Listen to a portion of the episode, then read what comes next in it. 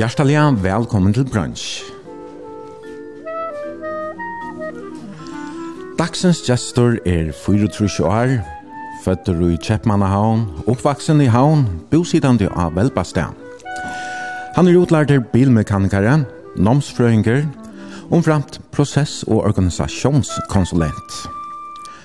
Daglig er fast han mest vi seierhalt og heimabløtene, men hever eisne seinaste 14 årene arbeid som SSP-radio i Førjum. Velkommen til bransj, Ole Rubeksen. Jo, takk. Og i morgen så sender vi beinleis ur Gjernon av Velbastet, her to og kona din Anna, til Bikva, vi har bo i Nøgrar. Mm. Heil, heil, vi har råkt om på fingrene nå, 16. 16 år, mm. ok. Ja. I Hesenhusen. Ja. Ja, Hese er husen er uh, Runglanutsk og, og Jeg synes det er spesiell, kan man säga. Det er byggt veldig vel inn i lente i flertetje, så ja, man skal hitta väl för så tjänar den nästan men som man er.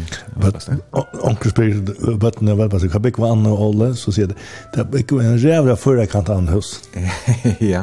Men ochre hus er det Etter okra etlesheim, ja. som vi da også kan tilgå i Slobla Gomeløy, og, og er hoksa i eisne hvordan Hvordan man vil ha det, at vi er så velsikna her og alle leiene, vi har et fralukt utsynet, både sår og når, mm men vi har eisene etter mest herbalast av ja. lente og lande her og så vi skulle bare også ja. vi bygger hus at det skal halda mot østningen og ta særlig snarere oppe i vestan.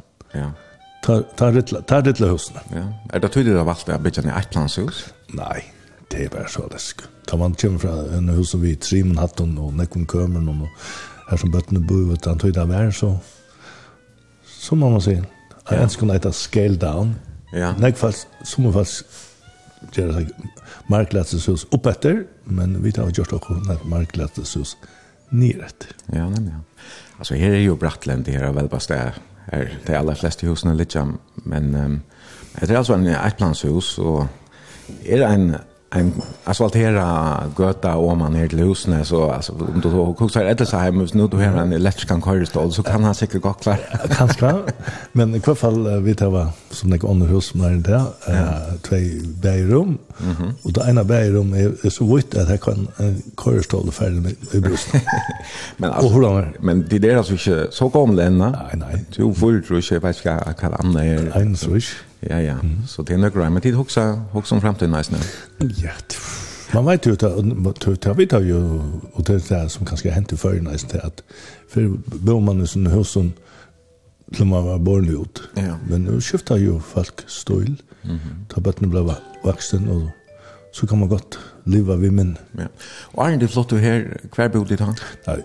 Anna är ju battvaksen her av Velbastan. Ja, og bønta gæren hun... Og gæren tjokken, han ligger bønt om han etter henne, gæren ligger om han etter, og, hun, og gæren tjokken etter av myrene. Så er hun oppvaksen bønta hos noen her nere? Ja, ja. Og, og, og her var det han fra, da hun var lytel, da var henne glad ut i fjåse, men da hun ble, skulle sette bygg, armøyna tog ta for hun igjen under Borgerhals.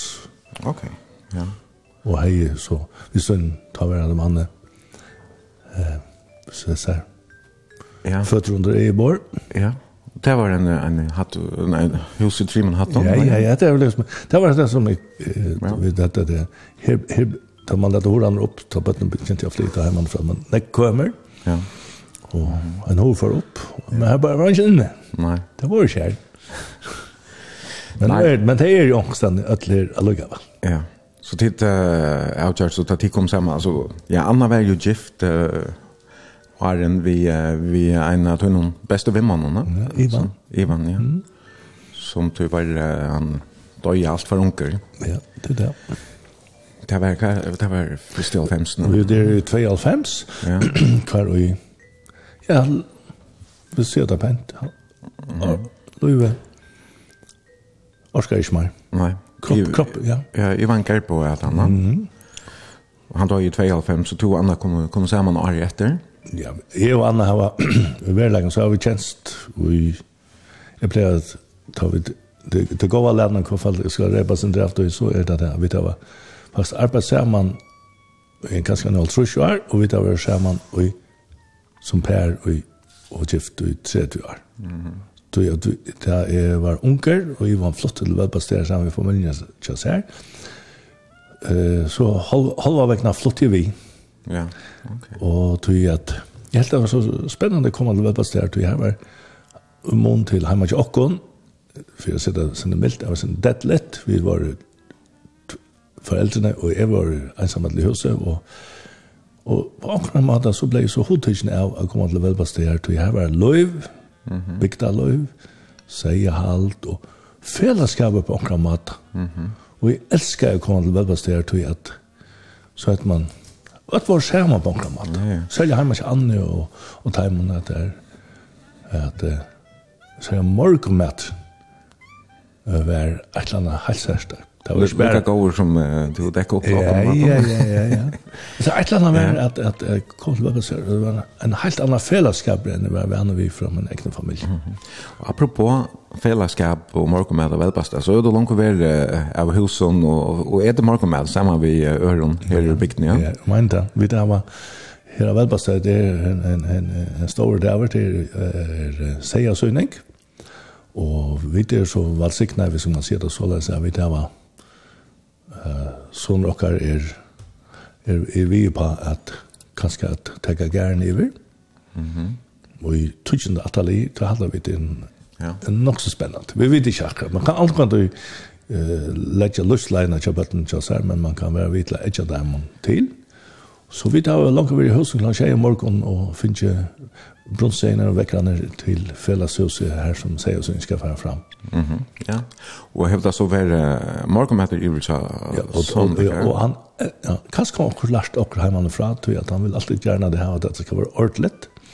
Så vi vinnen är Johan som er fjallmennene tjokken, og och menn, män.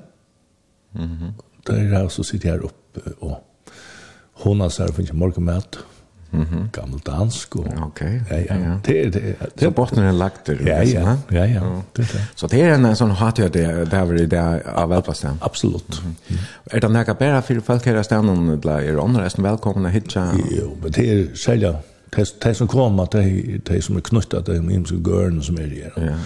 Så ta där var en enda så är det kanske en fjärde fast samlaje. Okej. Har man så typ böndan som är där där Pauli boende nu där. Mhm til en, en måltøy, og her som Ja. steg pantan og ja. reip. Vær det ikke høyt på i at her vi hver vinner og hver hever det flotteste Det er Godt nok onker som er, er ikke så godt nok. Vi, jeg aldri ikke vidt takket det så. Og, men som jeg har det også i noen lustrensle, mm -hmm. at, at det er voksen opp vi sier alt, snakke om seg, ja. morgen til mørkes, mm -hmm. og, og til det. Så, og, og och så som hon är långt telefonen gin gin cheek. Där är inte för sån jamar och se att det du måste minnas till att ta hand an hand säg vet där. Ja. Ja, och Elias är som är son tog in och Anna. Han bor alltså på ett inne här i husen och ja. Och så åt jag Anna tror jag döttrar har en tid kom samman. Mm. Og her vet jeg, Bjarma som er eldst, hun bor i bøntehusen, mm -hmm. hun er i Pittstegn. Ja, hun, hun, hun er, hvis man sier, at lakka bøtten eita av omkron, det er ikke bare en nevnt bare okst, men så Bjarma eiter etter ommesynet, mm -hmm. som er var er bønnekonan av muren. Ja, og Ragnhild eiter eisen etter ommesynet, ja? Mm, ja, mm. partvis, men eiter masse syn. Ok. Som er siste land. Så det er liksom, Du kjenner jo en part av okra familie. Ja, du, altså... Du er ju tunna Ragnhild. Ja, nemlig. Mm. nämligen. Ja, så, så, så på mig. Så om så inne och hämta ja. Ragnhild. Hon är det lite eller? Nej, hämta Ragnhild är ett måste så. Okej. Okay. Och så är det Nora Maria. Är hon yngst? Ja, ja. Och hon är så två på ett namn. Du är ommanare som är eh bor i havn och så. Mm. Hon heter Nora. Men länge har man henne heter att Maria. Mm. Så på åkken måte har de, i sin her tog, bundet de på nødene sammen. Så hun heter Nora Maria. Og hva sier vi Abba-bøtten, hva du nøkker her reisende? Ja, nå er det disse blandingsfamiliene hver vi tog noe inn i åkker bøtt, så det er ikke alltid det ganske er så stremlinjen ganske som ikke ører, men men Rikvann er blitt sinne større etter håndene. Mm -hmm. eh, jeg er i tvei i bøtten og Arne, jeg møtte Anne. Og da en sånn er, han har jo så tve bøtt. Ja, til, til Sækare som Marsta. Som, Sækarias. Sækarias som Marsta, ja. og det er bygd ved Danmark. Ja. ja. Og han er jo så tve bøtt. Ja. ja. Og så Bjarma er så inne fyra. Mhm. Mm og så, men av til Øtle Birja sin tullja i løvnen, så ja. Så rekvene er det koffer et lenge om vatten. Et lenge opp av ja. Kan man skal telle opp. Ja. Ja, det er to rykker. Fyrir tror jeg her, og appa bøtt noe lenge, appa på at næsene. Men nå, altså, vi sitter her av velbaste, og her var et prakkfullt utsyn, vi sitter her bare ut av hest og kolter, og nå skal inn i solen etter, og det er jose her av velbaste er helt fantastisk, altså. Det går sola ganger, ja? Ja, vi, vi er ångte er så ångte, ikke deilig å bygge velpassa, men ångte er så av det opplevd man sommeren at det er bare mjørstje. Ja. Vi kommer ur havn, så heter jo om man har velpassa, så er mjørstje til det for sommer, sommer. Ja. Men så særlig av varene kunne være faktisk stravner, tror jeg at solar uh, geislingen fra havn og nye etter, Jeg vet ikke hva jeg skal få øysedegg jås. Ja, ja, ja, det er veldig flott. Det er sånn som... Ja, nu er det vet jeg jås, men var er jås? Jeg har ångte og sin stræva. Ja. Og mest nok, så jeg vet ikke hvor folk er av velbastet, men som folk en gang vi solbrun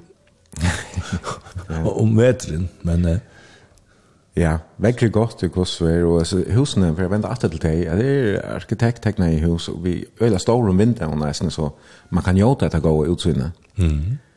Og ja, før er det som tekna det? Ja, det er en god service nær, hvis man ser det. Det er det at mm jeg og Anna var ikke samt om hvordan det skulle være, men så fikk vi samband med Heidi Paulsen, mm -hmm. som er en kjent arkitekt i Førgen, som, som sier, hun, hun kanskje ikke vanlig at, at tekna privatus, men uh, hon kom så hoppa jeg på ideen at jeg skriva til han, kan så hjelpa hon vi at gjøre noen skitser til en hus for en kikv. Ja. Så vi der var, vi der var jeg haft jo en bandanskap i Opera Løyve, så. Mm Mm -hmm. Och hon säger hon säger alltså kunna kan inte känna ett men jag hade ju hon hon hon hon finns jag den glömt jag natt det ska det blev för spännande uppgång så ja, ja. Men uh, men en er flott och og særlig hus og egentlig honali så vi sitter här i stovene till det så køker og stova er ute i äkta. Och stor vinter är det här framme för jokken och, og utsynet ja, alla med runt nästan. Så en brännig under eisne 18-4 är som to sitter här. Ja, du inte upp i morgon eisne. Så här blir det eisne jag har heimablutne, det blir jag har gester och, och varsler. Ja, im som slä. Mm, vi det blev sån meetup för heimablutne. Mhm. Mm vi heimablutne som hotak är allt kunna äta. Ja. Allt kunna bli heimablutne själv, men också heimablutne, inte heimablutne själv Anne og Ola. Ja, nemlig.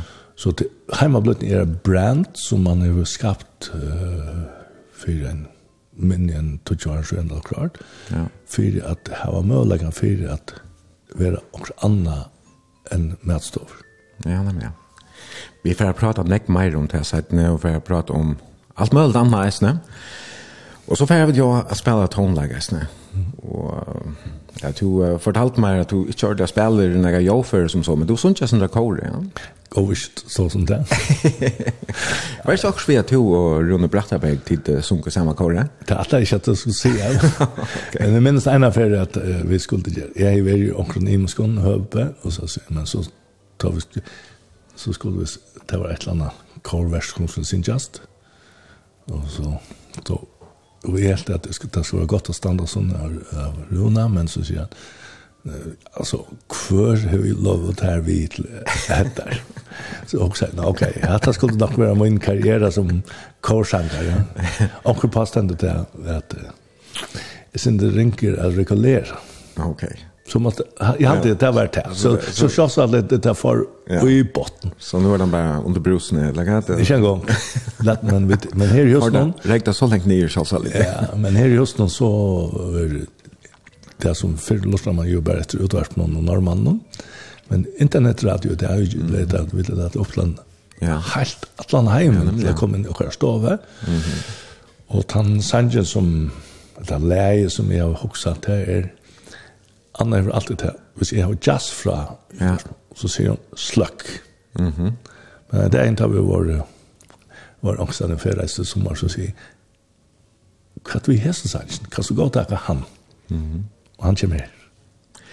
Ja, og det er altså Olle Rupeksen, som er gestur i brunch i morgen, og vi sender beinleis av velbeste.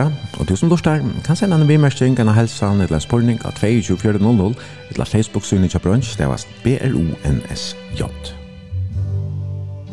Georgia Georgia The whole day through Just an old sweet song. Keeps Georgia on my mind. Georgia on my mind. I said uh, Georgia. Georgia. A song.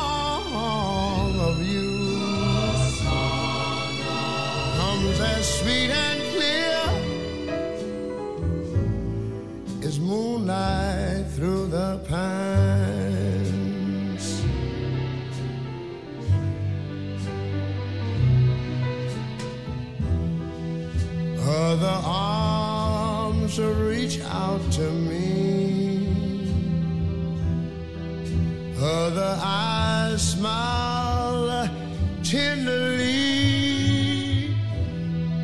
Still in the peaceful dreams I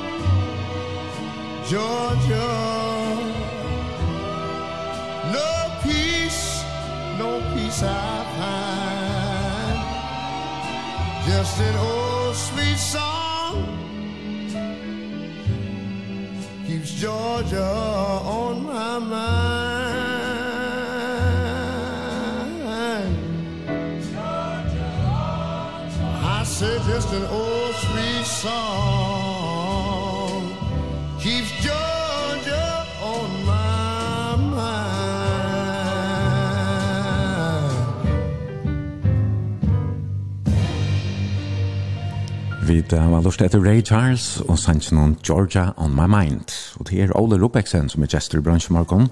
Og vi sendte leis ur Gjernon av Velbastet. Og vi sitter her og njóta en gåan morgonmat. Jeg vet ikke om jeg skulle sagt heimablutne. Altså, men det er alt mat fra Gjernon. Og her torsk, kjøtt og kjøttpilsa som de leisen gjør selv. Og river reisen her av borgen om morgonen. Det er godt nok som drar oss det. Jeg det er nok ikke vi at tid har framlagt av gærne, men annars alltid, alt er egen framleisla. Mm. Og akkurat DNA, hvis man kan si det så leis, at Anna er badvaksna gæren, ja. Lars, allan den sibundna møten, mm. og jeg kom ur havn, ja. og, og jeg har liksom en helt ære bakgrunn hver første møte er ikke eksisterende. Nei. Er det hon som har uh, hur backa skons är morgon? Markon där? Mhm. Vi tar en Vi er nekka coachbøker. Ja. Vi brukar det lite men en coachbok som alltid vi brukt er coachboken som Marius Ole. Kan gå gamla. Ta gå gamla gröna ja. er sliten. Ja.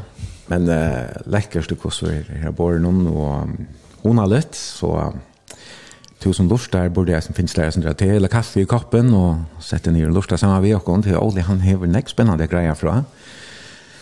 Og jag alltid att det för blir jag speglar det sen om om upprunan så där.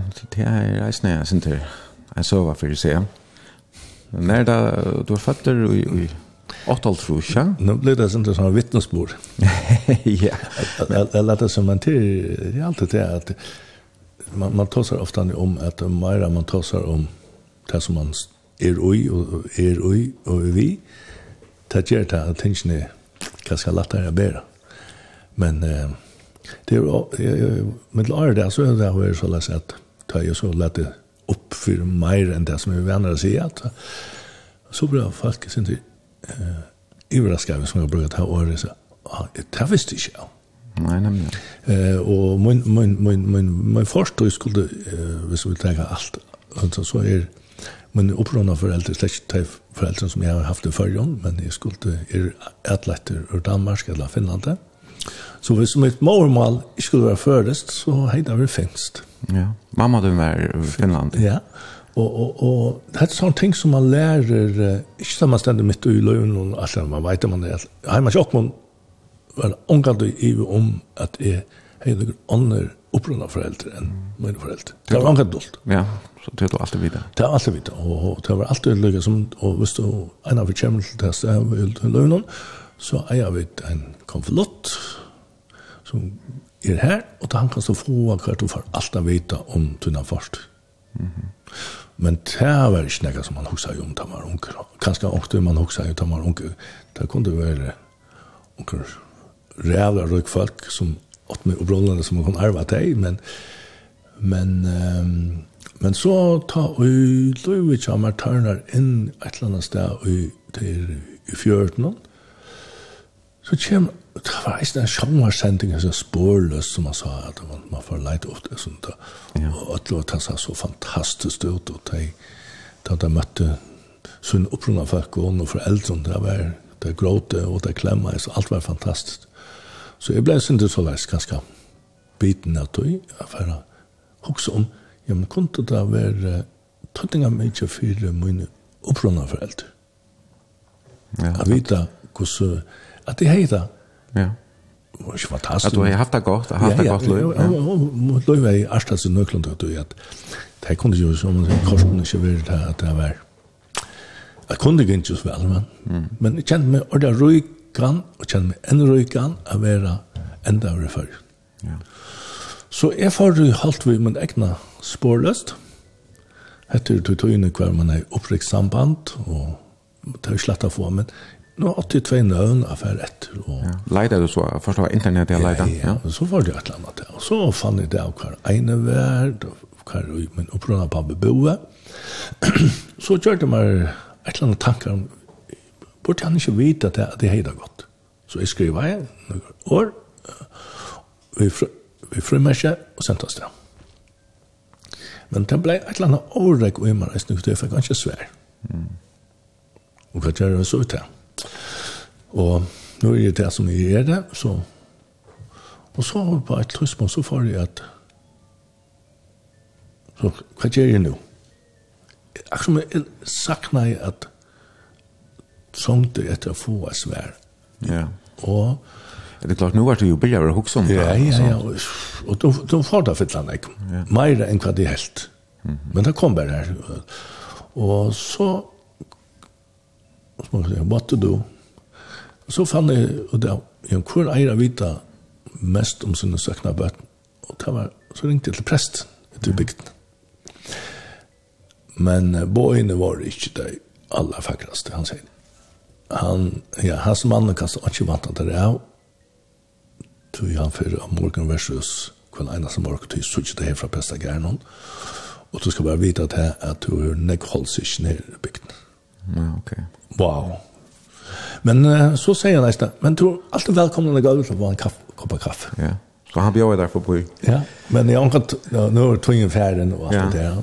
Men så har hos en åt men men minst det så som det der og i det, så får jeg genka her, at han vi bo under borgals. får er faktisk, da minnes jeg at det sparska i steinar. Mm. Det gjør det meg ilt. Ja. For man blir avvist på en måte. Ja. Og så nasta sti alene til, og jeg kom inn jeg, jeg, jeg visste godt at mamma min var finsk, men det var det. Det var en navn, jeg minns ikke alltid hvordan det heter, og Men en eller annen årsak så kom en finske journalister fram vi her til okkar gær i ja, det er jo at det er og, og, og og jeg var midt i rågan hvis det tankavelt skal, skal ikke og så lette jeg munnen opp som ikke første fer og sier og for Ronald skulle jeg stå ved sammen der ja, sier du ja. Så du kunde väl finna ja, så lands. Oh ja, och så allt det. Och hon på för det första så lär hon mig inte om på några månader men hon lär mig om omstövna kostar var i Finland i 18 första när är nu värre skutch. Ja. Var det ta mamma till mig för till Danmark. Ja, först och för och och och ta visste det att i Finland det var stor armo och finnar at inte mølaga til at jeg kan sende fra bøttene, så det ble sendt til forrige sted vi skip til andre land for jeg ble fastere opptatt av vår utel. Okay. Ikke anelse vi til søvn. Og det var den lagna, hvis man sier sånn, som min opprørende mamma, at hun som 12-13 var for til Danmarskar, og møtte en sånn familie her. Men så fører hun hjem atter. Men så kommer hun atter til Danmarskar, her, vi skilt av lønnen, Og for å være arbeidet som gjerne noen, og så er vi i baden, ta han helt ung. Till ta han pappa den så? Ja, og, og til møtes man til å være en kjempestor aldersmåned, så at, okay. og så baden vi, det var en, det var tidlig fra henne, og til det som sitter her der, og som så at så ferdig man har lyst til å. Mm. Så, så, men, men den finska konan som journalisten som er her i Jokkon, hon, hon kommer og av en lærer til som bor under Granala. Her som mamma din ja. bor? Ja. ja. Og, og, og så, så, altså, det er heller ikke, det er tilvilden som jeg har. Så det er dekket chanser. Så vi ble samt om at hun skulle få kontakta min oppsjon av mamma. Men uh, ta hon kommer, at det, hun er bra ved meg, seg fram her, som er at det er liksom året med på en kramata til at å vite at det er det da Ja. Hvorfor ikke ikke var illa? Nej. Och hvis hon var AHA så kom det. Ja, det var, jeg halte slett ikke det var det som var AHA var svimmer. Det var som, jeg halte det var det man sier det. Bedre på fra der med. Ja, ja. Men hon forteller meg sånt at den her finska mamman, hon blev steinrunden. Da hun bänkar på han, eller så Ja, og kommer jo ørn. hun har godt nok gjort en avtale, hun skulle fortelle henne akkurat. Og en tjej för det år en unga då sagt för nökrum till at den åtte det var att kan säga att han kan ha kommit åt jag bara som det atlet. Eller sagt fast nej sagt vi var jag hade aldrig så jag hade ju någon kan chans som det där. Så jag också var wow. bedre, det, man snackar ofta om det som inte är sagt. Att de ska, jag vet ikke om du, jag säger det först, men fortielsen, det som man ikke tåser om, det er faktisk det som er tenkst å bære. Så hon har omgående fortalt for nøkron at hon var hei var i baden og hei åtte og hei sikkert så langt av fortrångt av bæra kjolveisene. Det har vi ikke omgående ideen kan nå husa, men i hvert fall det var det, det hon effekt har fortalt, hon er smekka hårene at det og sier, og at det tåser vi det ikke om. Så det er for henne var det.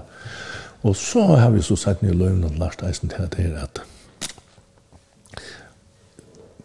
om man så också att det är med atletter och sånt. Ja, det är kan man göra, men faktiskt det sätter några spår och i den personen mm. som där räcker. Ja. Och det är faktiskt ett år som är det sorg. Sorgen vi inte få och det som man ska ha. Det är alltså att, och jag har så väldigt vi i djøkken, finner jeg hjelp til det, og så sier jeg, Ola, er du klar i det at ta to er alt det første fer så er det som opplever det at du er foreldre i deg. Så er det sorgeit. Men nå har du også opplevd det at du er opplevd foreldre her forsikret det, er det før. Så det er sånn double up i tog for seg. Ja. Og så og, og, og ikke tror jeg man kan gjøre sånn ikke vitt av, ta for det er det, at hører man sang, så tar vi det enda. Mm man må bæra sitt løyv, mm. med det som det hever. Ja, hvordan takler man det? Altså? Jeg aner ikke man takler det, men, men, men jeg minnes det at få, at onker er omsorgen for meg at vi er ute i støven. Mm. Det gjør meg godt. Nämligen att du tog hej gåföräldrar i färgen som vill till det. Ja, ja. Och, och det är som man kan, kanske man hör till sig. Jag minns att mamma min säger ofta nu, min förska mamma som är dansk och, som heter att rått och inte rått sjön än och och att och ofta när så bekymrar om det att över skulle för leta efter en rött natur hon visste det. hon säger to jag vill inte ha det skulle bara skuffa nej Visste de hverja foreldrene våre? Ja, men det kjente ikke alle smal og lukket som Jeg, alltid, jeg vet mer om det, men det visste det. Det var ikke bare, det var ikke danser og rås. Hvordan gammel var du da du var atleiter? Seks måneder eller klar. Okay. Ja. Og de bor i fergen da? Var det fergen i rett etter? Liksom. Ja, det var også den Ja, du vet jo i 8,5 og jeg minnes alltid, ångte så pleier man også om det der. Gommer man sier alltid, helma gommer man sier det. Jeg var så reelt tungere bedre til dopen. Ja.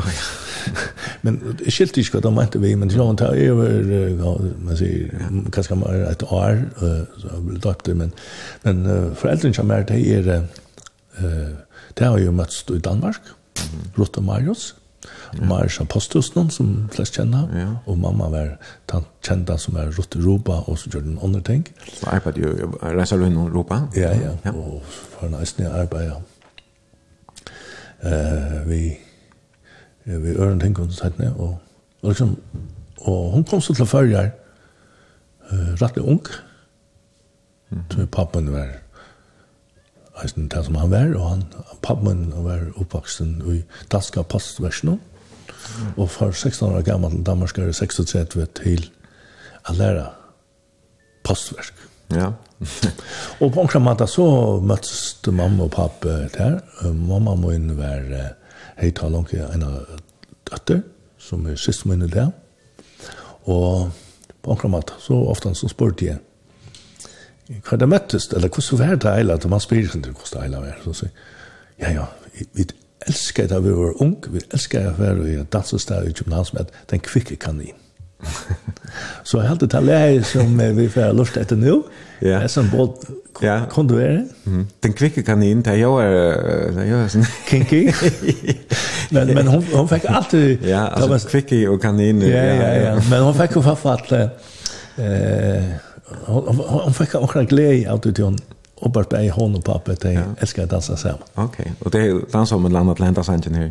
Jeg skulle bare umiddelbart kunne det. Ja jeg kjenner ikke så vel, altså, men det er, er Liva Vel og Svend Asmussen Orkester, alt, ja. Hun, han som synker Liva Vel. Og hver en kjent sangerin da tar jeg... Ja, det har vi så funnet det sagt, men, men, men et ument meg, det er ofte da man har det tallag, og så er det at det var sånn tallag som er helst ja. så tog jo Ja. Alla sanns. Och hörde du den här sanns nästan snukt i hemma alltså. Nej, slett inte. Hade som jag funnit på själva.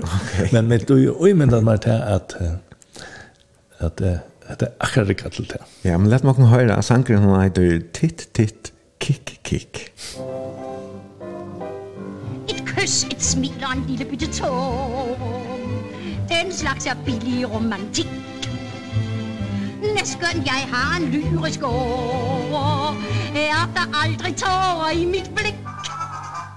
Titt, titt, kikk, kikk, slår eget op og ned. La blikket sier det, du vil en gang imellem. Men nu, se fy, hvis mannen bliver for kry. En kvinde er jo sart og blyg. En gang imellem. Et dydigt krænket blik med en refleks af smil. Et ja og nej på en gang, det er sex af pil. Kik, kik, tit, tit Gå rundt og se dit snit. I øjet må man ha en skælm En gang imellem lille bitte blikk i øyet Et lille bitte øyeblikk. Så bliver all verden straks fornøjet Folk har lige en pige, der er kvik Tik, tik, kick, kick, sneien opp og ned. La blikket sige det du vil. En gang imellem. Men nu, si fy hvis mannen blir for krydd. En kvinne er jo sart og blid. En gang imellem. Et dyset krenkeblikk med en refleks af smil. Et ja og nei på en gang, det er sex av Kik, Kick, kick, tit tit Gå rundt og se dit snit I øjet må man ha en skæld En gang imellem Tit tit, kik kik Slå øjet op og ned Og se hvor skør du selv var blæd En gang imellem Tit tit, dit skin Slip lyset rigtig ind Så ser du hvor du før var blind. En gang imellem det er så smukt med alt, hvad solen spiller på. Hvis ikke du kan se det, så tag briller på. Kik, kik, tit, tit, selv bare din rekvisit, kan øjet har en lille skal En gang imellem.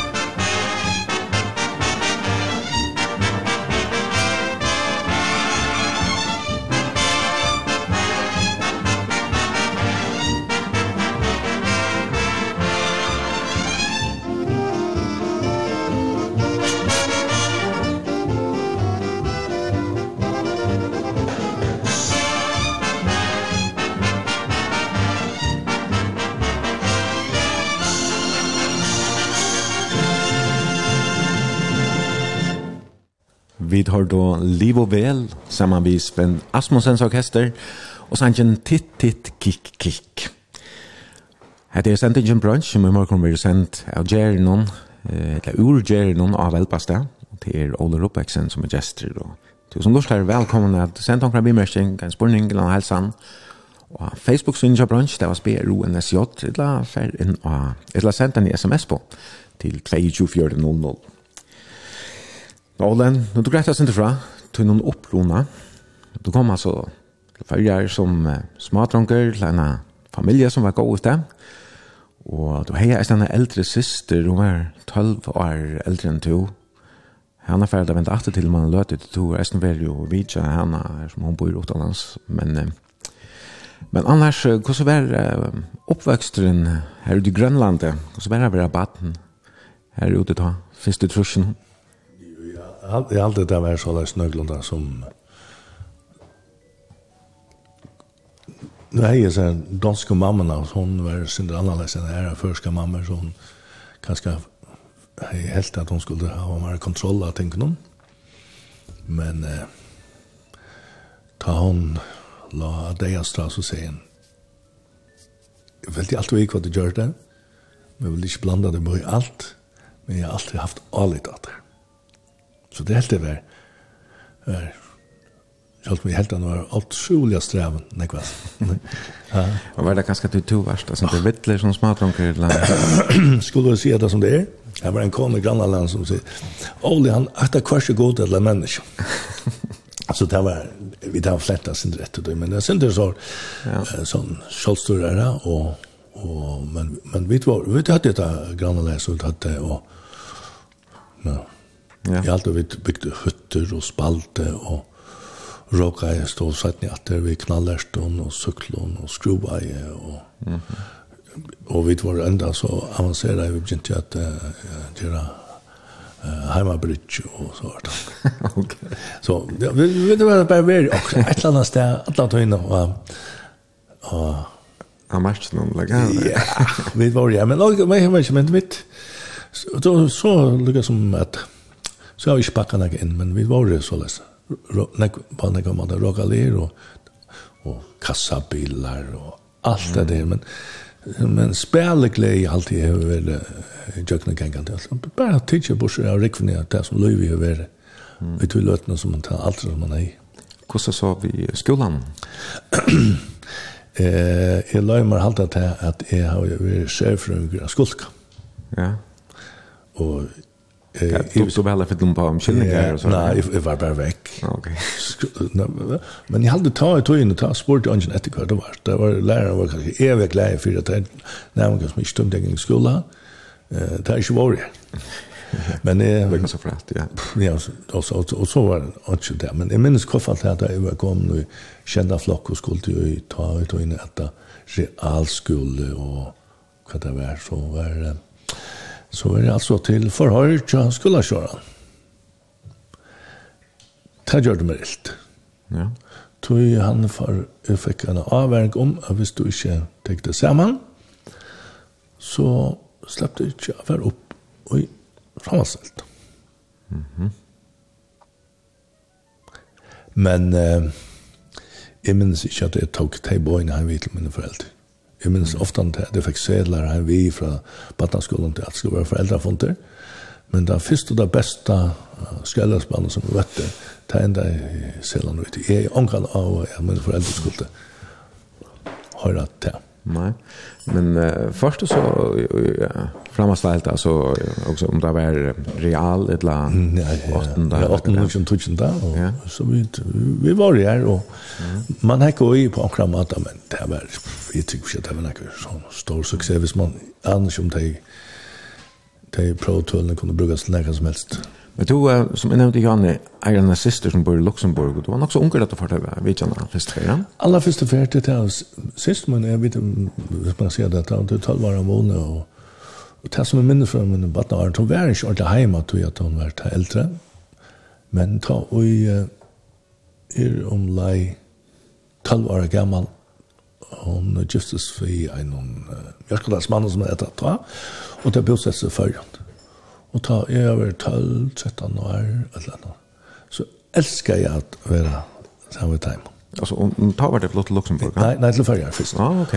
Og så hendte et eller annet løven til dem, som gjør det at jeg så av min, som et live, fann var radartekniker, tror alt det til. Og han, han fær så er starv i Luxemburg.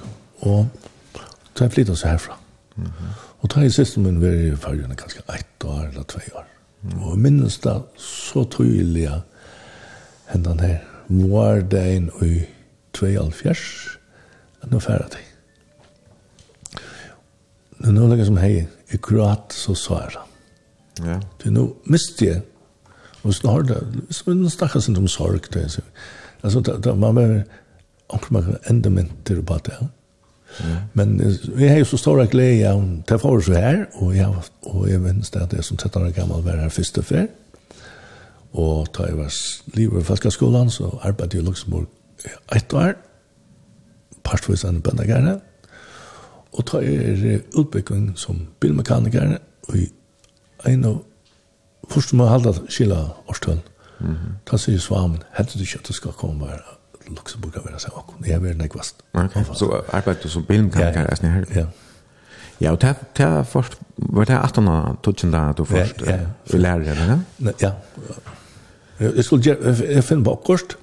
Jeg er en sånn merskelig idé om at jeg skulle føre genge HF, alt det, men det er glemt det. Og var ikke klar til lesene på det tidspunktet. Nei. Men så tar jeg så her og være der, så hender også til min liv. som gjør det etter meg vel ja. for å lære å lese. Hva var det som hender? Jeg har vært pastor av CSV da jeg var unger og faktisk så CSV møtte jeg i første før i Luxemburg Og nå kjenner jeg noe fjers Sist var med det som fyrer skipa, ofte det som kjenner CSV, så vet man at man kommer til land, så begynner man ofte ofta man begynner i en familie, armar för dessa levenar som är ja, allast. Ja. Och på något måte hade det så för sig man eh funnit att jag sist som var förresk. Så att det så falschen alltså ungdomen som var 11 år och i sant så lejer kom till Luxemburg och sist man skulle vara och de skulle vara värsfamiljen. Mm -hmm. Så vi är färre innan hos Mannagären som är i Luxemburg. I Luxemburg och han och håren för upp och så kommer kommer så föringar ut genom håren och det första som jag hör är det föringar här en av dem var bottle eller en av dem Okej. Ja. Och så på programmet så festes en näste och i att vara vi just när fällskapen så var vi och i ja. i nekvar selja ta button chokon. Iron button chokon som vi där ja. Och här var ju fälla och inte fälla og være av nekvån levån og imenskån tenker rundt omkring. Ja, Jo, du så er sånn selv og vi er leiere? Ja, jeg, jeg begynner som leiere, og fyrir seg bare, jeg vet ikke alt, men jeg må gjøre, og så. Man er til fellesskapen han var ute og så tar bøttene vi kom undan, og omkring bøttene tjokkene var leier, eisen settene, Ja. Det er noen som heter Ragnhild. Okay. Men omkring måten så tar jeg sånn noen som heter leser, kanskje ikke akkurat akkurat han och just ner. Ja, så, så var det så. Man, man gör det som bötten ja. Mm. Men du garanterar väl en ekvastan i hemmen och så? Och alla ja. ja. Ein, ja, och jag började i Holland där. Uh, och jag minns det här, här är att hyra en idé. Mm. Här hade vi det så läs att, att uh, jag var inte vänner röjtja, men det blev fängar av, så här man så uh, sättna parste party, hvis man ser det så leit. Klan fyra, fem, så alle som var vaksen, de møttes i en sånn, ja, vi var sammen i en sånn kaffestov her, og her ble røkt, mm. og her ble drukket sherry. Ja, jeg tror det var så hørt, ja. Man, man kikker seg pent om man var en CSV. ja, men det er nok, her er nekk hent, så jeg antar hver, og i veren er bare mer regulera, men vi var nok sånn,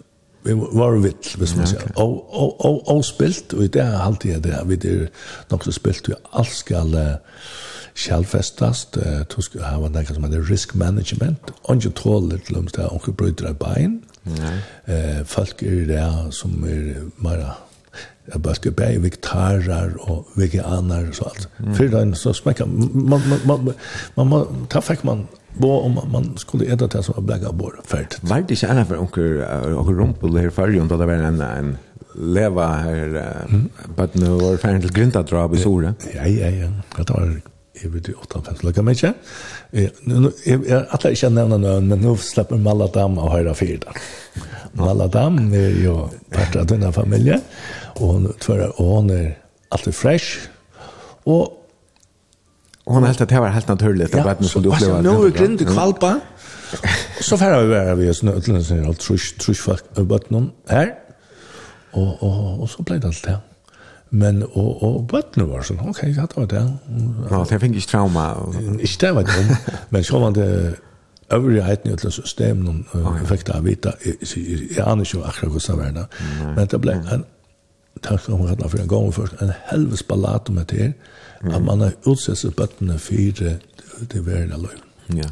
Du tar vel ikke som jeg har det ikke vi til. Ja, nei, nei, folk var i mest, og ja, ja. det var stedet sånn.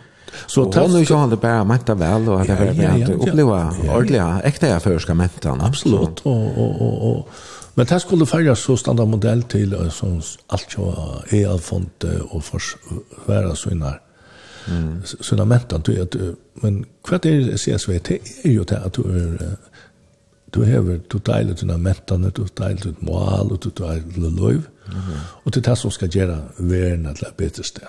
Ja. Ole, vi får spela en sanger til at, um, og hette er en sanger som minner til ungdomstøyna, Jeg vet ikke akkurat hvor så gammel du varst da du først i lærer til SAP her i Vistront. Du var sikkert veldig, hva er det, 16, 16 år eller så? 16 år. Du vet ikke om av kørekors kørkors ganske da du blir jeg. Men tar jag tunn slapp man säkert köra lugga som bilen kan kan eller kan. Nej, men tas sanken som vi snackar om. Jag vet inte om vi snackar om det samma sanken. Ja, jag håller vi för spela Barry White om man har lört dem. men um, Ja, det är er ungdomsstorin är den bara finnas inte fram till kvärd och ja. och det var här och vart. Ja, ta ta vi var kanske touch on flotch. Mm. Och lika några skolor där. Så för det är affärast. Okej.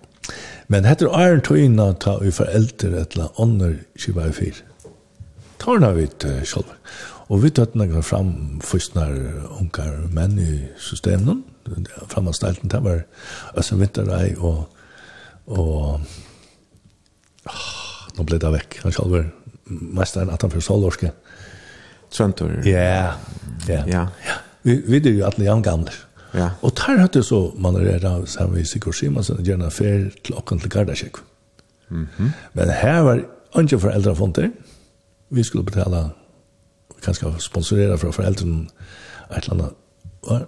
Og så var det, altså, og det er sjanka en lærere. Bara för det här var han på pullen. Så det betalte ganska färgerna för läraren. Ja, och han, han var bara vi. Men vi ordnade och själva och Så tar vi minnes, jeg minnes det bare, altså sangen minner mig om två ting, eller mm. lars meg två ting, Först och minnes det om, jag kan prøve en jukebox før. Ok, ja. Så he, det var hesen, sanken här och en annan sanken eisen. Mm. Uh, men hette var han som vi hørte nå en dag, så hatt att vi hinna ferna til vi var i Gardasjevnen, Kvar vi som dranger uh, kunne brukes til første dagene, men så att det är så smart tränare. Gentnar där var det bara Ja, så vi blev kort ut. Ja, vi blev kort ut kameran någon. De byggas lite dranger och jet Så flott för andra Italien. Charmera sin. Okej, okej. Men det kunde ju ästen vara sanker till kunderna. Ja. Tack så mycket. Jag har hört lust att göra. Det är ju nästan en sanker om Ja. Med och andra. Så han har två tutningar. Ja, det Barry White, You're the First, the Last, My Everything.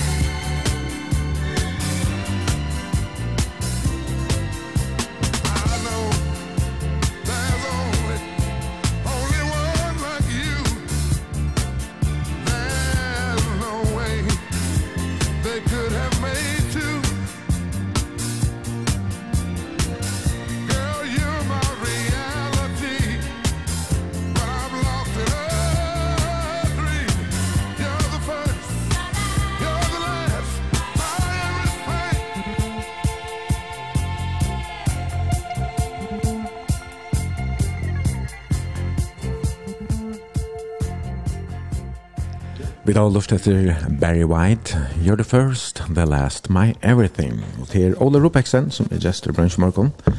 Og vi sender på en leis, utgjør noen av velbastet. Og her er Ekvelia Honalet, Stearinio og Sabornon, kjærpe kjød, kjødpilsa og riv og alt mulig annet lekkert. Og reisende tverfitter hundar som ganger med alle her. Då er det jo, altså det er bøndar som jeg synes, og ha få snakk vi, vi sier halt og, og sånt. Så till det är alltså i spärra to andra i då Det där här var snö hundar och chatta där snö, ja. Rotto Marius. Rotto Marius, ja. Som föräldrarna kommer. ja. Marius Marius Svigal, han är ju väl hemma nu när de andra men ja. Han är Jag ska ta Ja. det blev så hårt spel. Ja, nämligen. Jag hade det andra Jordan, det där var hästar resten, ja. Ross. Ja. Men i andra sätt då det tagas synder vi säger allt. Nu, nei, jeg sier alltid at vi er stabbunden av gæren her som Anna hører til, så jeg sier alltid en pastor av liv. Ja, nemlig, ja. Så, og så, til det som, ikke større øtland, men til det som er underkjærve for akkurat livet. Og så har vi kjettene, gassene, Ja, jag hører gassene, jeg hører, jeg hører, jeg hører, jeg hører, jeg ja. jeg hører, jeg hører, jeg hører, og hundene, sier hundene ikke minst. Og alle, alle har tøytning på hver som mat. Ja, ja. Lykke som bøttene og alt annet har sin tøytning. Så rostene kom jo fyllende egg, som kanskje ikke er sånn å gå til å bruke det, men, men det var så løs at man har haft disse kjentene som var vendi plade kalla vendig gentnar rostna var fantastisk og alt det der og så. Ja. Og men så far det borster tog at Og så var det også annet som var mer spennende, kjeikere og svart. Så det ene døtteren... Jeg vokser fra Rossenholm. Ja, ja, men så kommer det ene døtteren og sier, «Tå, er en Hette jag för att du tog inn en där man kunne se, så ikke lösen gar det mallet. Du här är rostel söle, kostar 12 000 kronor. Gå kunde ju vara chepat. Mm. Och det var Mozart. Og... Jeg, jeg var när jag lejer rost och så men så jag tar så har vi ett Så det var en parster av okra løyv. Og lærst øyne jeg av tog. Nu er det tøytjen her. Ja, da. Så er hun heter? Hun heter Brim. Brim. Og hun heter, hun er, hun er nevnt etter en av Abbasonen som heter Brimir. Ok. Så, så, så alle... Så, det er fett og kjærlig. Ja, ja, ja. Så har vi et uh, tøytjen som då Ja, kvalpen. Kvalpen. Han har åtta månader, han garvetler. Ja, og hon heter Mia, men vi nevnte i første sendingen at vi har en av døtter som heter Nora Maria. Oh, ja. Men lesa dutt ikke sier Nora Maria, så hon sier alltid Mia.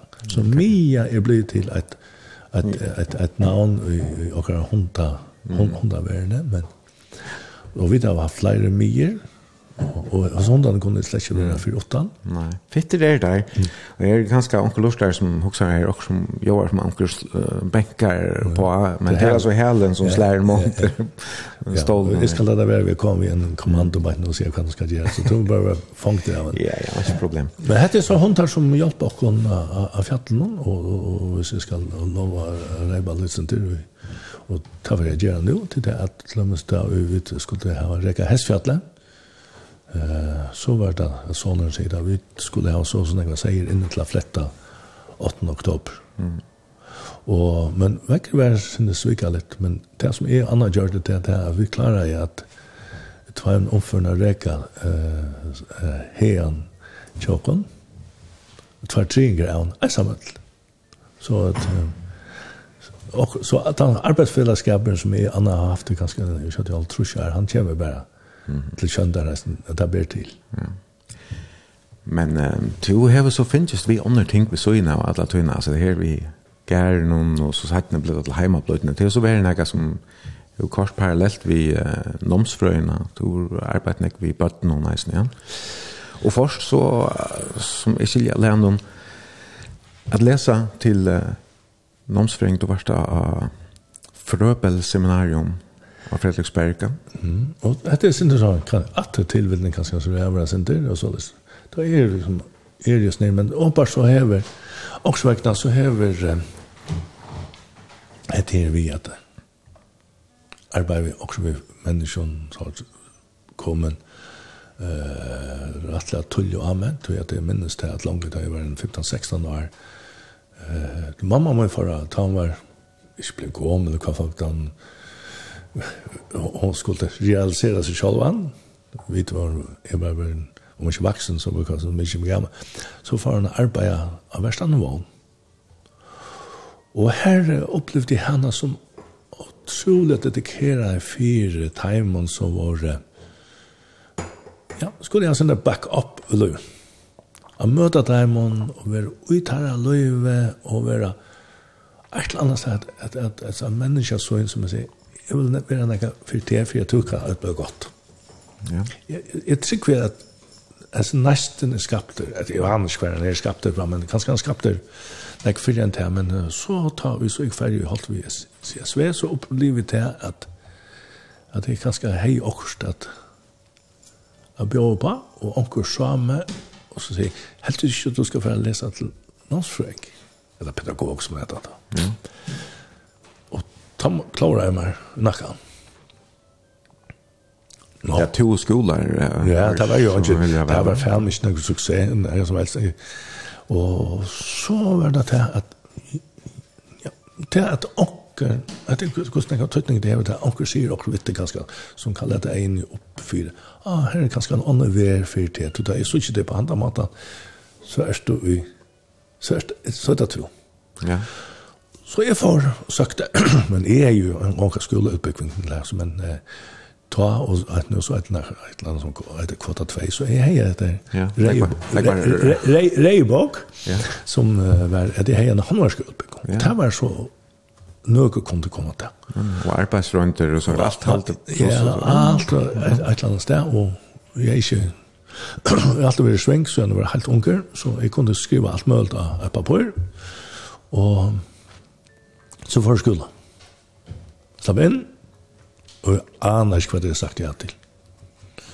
Så her var nekver opp og nye turer, men uh, jeg lærte så kaffalt det at uh, jeg får oppleve det. De elsker jeg å lese disse fagbøkene. Ja. Ja, Ole som ikke kjente S for K, og så skulle han eisen skrive oppgave. Ja. Jeg måtte tenke, og da ble jeg bare, ja, ikke alltid like nevnt, men uh, en av meg, hei, hadde vært føringer i Danmark, Mosley, at hei og oppbartanga fire måneder, tog jeg at uh, faktisk stod man bedre å skrive dansk enn dansk. ja. Så det er det stava. Ja, hørt man alltid at det ja, ja. Og så ble det, det danska her, man uttaler korsbøkstav. Ja, ja, ja, og alt det.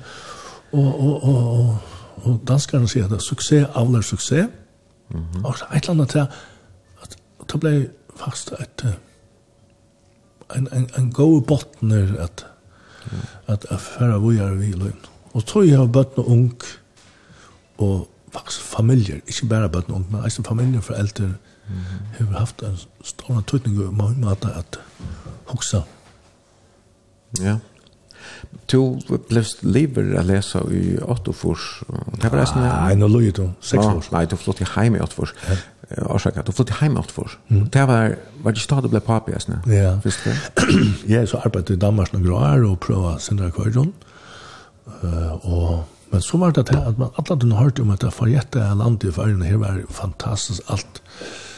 Trøyene vokste opp i himmelen og her var men da jeg kom hjem til färja så i Ottofors leie de familiene som vi får at etter meg og det var så en pastor av at jeg avgjør lønnen. Og så var det så det at ta for gjetta her landet var faktisk slett ikke så fantastisk. Ikke så langt ikke nå. Nei, ikke så var det det. Vi hadde noen kjallastøren til flagga vinna vindene og trålare til, så alt var det. Alt var jo, alt var jo. Så ta lærte man så først og fyrir til at alt kan ikke. Men, men du arbeidde jo innan det allmänna, så det var ganske ikke Jack ikke så hardt det betyr. Jo, jo, har kjaft, vet du. Jeg minnes det at du arbeid, så far jeg arbeidet ikke å ta fra en kommune, når det er stående øtje og bøylingshusen og ting. Man kunne ikke kjøpe en gang en malerblikke, og da man skulle inn til Paul Mikkelsen og få en flåbein om man kan kjøpe det. Ja, bare stort, ha? Ja, så en vanlig blikk til 120 kroner, det skal man ha coachen fra Borgarsjøen. Vi var helt, så det var ikke det, men så lærte man, Men faktisk så er det lærerøkt. Ja. Så er det vi har samfunnet for oppe fer. At faktisk er det er en tøkning av mye at samfunnet om man fører også. Å, så får det nere fer, og så får man kanskje lærere sin runka forvirre er jo søstenta. Du er så ikke arbeidet med helt små bøttene som, som nomsføringer. Det er jo vært mest vi ungkong. Alt med det, ja. Og, og, og kanskje særlig ungkong vi avbjørn. Ja, också inte inte när vi har skiftat bläver tar man vi nej. Nej men också vi är bara men du samskipar är det såna vet jag. Ja och ett av de spännande ting som vi tar till ta ja. Det är tog allt var ju vad var ju här var inte glädje här var inte spännande allt var bara om ikke hunker og hatt og fatt rundt i landet og, og arbeidsløs som middel unge var jo giga størst, 25 prosent, så at, men så en av løte så hos jeg at hjemme, vi må finne på okra glede. Og så minnes det til at vi Jeg halte det etter 22. oktober 2021, så skriva jeg skriv til det stående leier i førjen, så skulle ikke færre gjerne en badna fagna. Ja, ja. Mm -hmm. Fagna, det betyr det glede, tog jeg at akkurat det var bruk for at jeg at liksom, gjør også annet. Og, og det er 30 år siden. Mm -hmm. Eller mer enn det. Og det var fantastisk å oppleve at, at uh, hvordan jeg folk tømte det.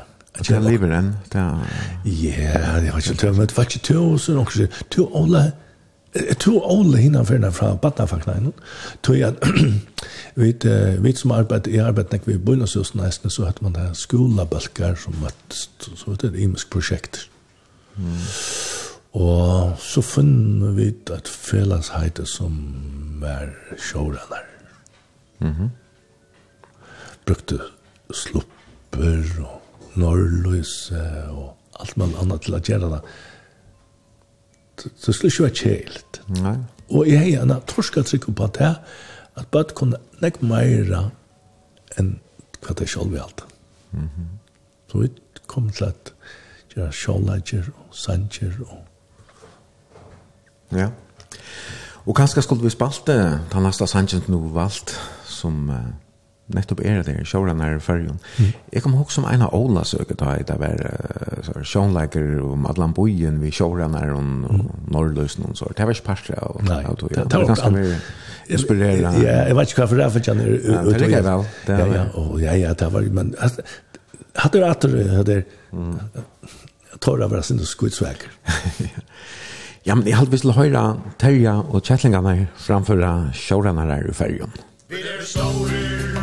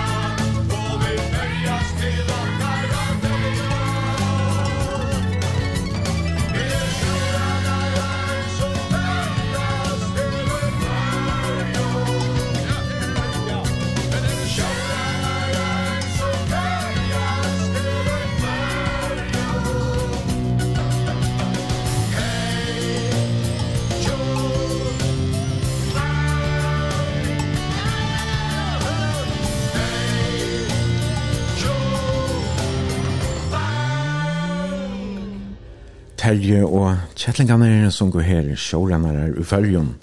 Og det er Ole Ropeksen som er gestor i bransj. I morgen vi sender beinleis av Velbastia.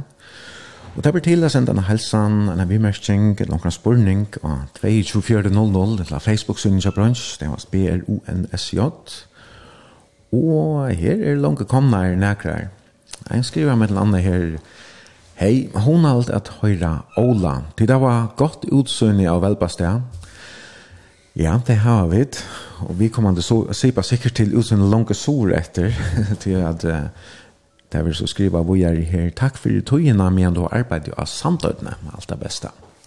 Og samtøyene, hun er jo eisen, vi, vi har nevnt kolter og hest, men vi så ikke eisen varetene, og vi så ikke eisen samtøyene. Og her har du så starvast på et tørspunkt. Ja, ta og... Da er vi her sønner, Imeskar, løte hver øymann brøyder kås, eller kan man si så. Vi det er vi hjemme inne, en agär någon her, tar vi det mjölknätt.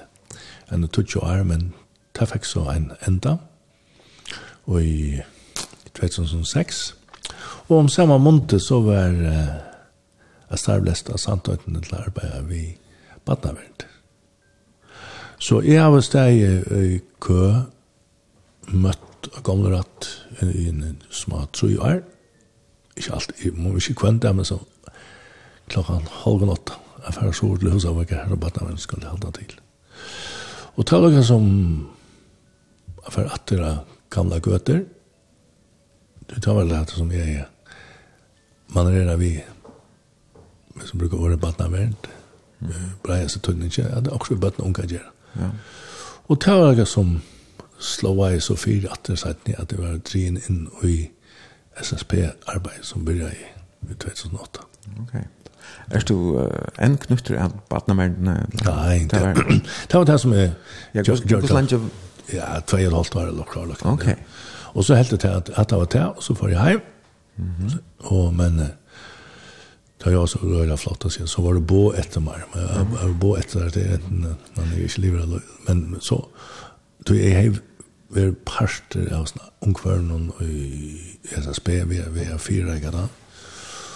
Og så var det bruk for at ung skulle være her og få det. Mm. Sett i versk. Så det var 2000 Så det var en tru år, bare verden og blanda vi SSB og så. Ja, arbeidet ved badnaverden, er det så utrolig hardt? Kan du bare umynda meg at... Uh, er, det er ikke... Stund, stund, ikke stund, stund, stund, stund, stund, stund, stund, stund, Og jeg var legan lukka som ta jeg var utlarter, eller utlarter, jeg løyte meg, jeg gjør en feil da jeg var, finnes jeg prek som noen nåsfrøyke sier, nå var jeg utlart. Men det var veldig vært at det begynte jeg for å lære om hvordan løyve ikke har bøtt noen ungen og familien vaks. Så min min, min, min første, første stærsår som noen landsfrøyge var veldig et innlitt øy hvordan forferdelig bøtt når hun kunne ha det, da det ikke finnes det som det har brukt for det var litt. Ja.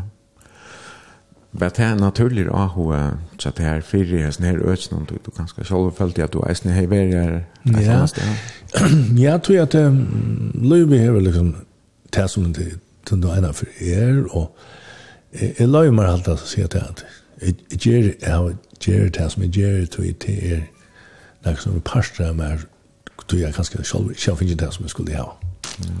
Och så är man eisne eier bøten som eisne kanskje ikke alltid vil lukka nevnt, tja man. Til dømes uh, ADHD, nu er oktober man ADHD-mann her i fergen, så jeg løy meg at jeg tegget her fram eisne som, eh du vet, her standa jo folk i langt bøyre og til å bløy utgreina her.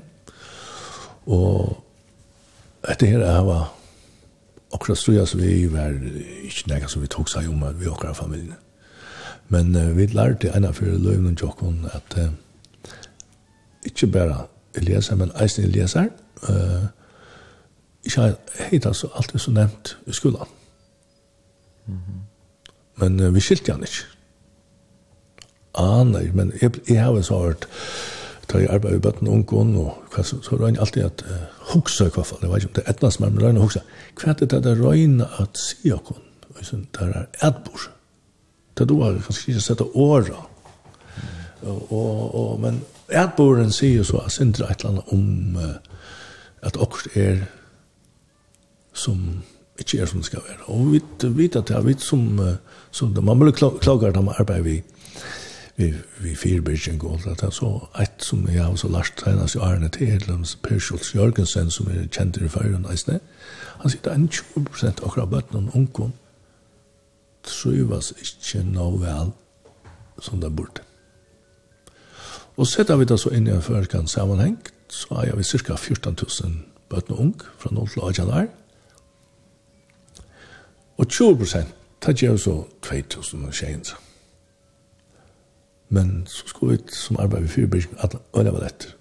Så sier jeg, men så er vi stadigvæk 11 og 200.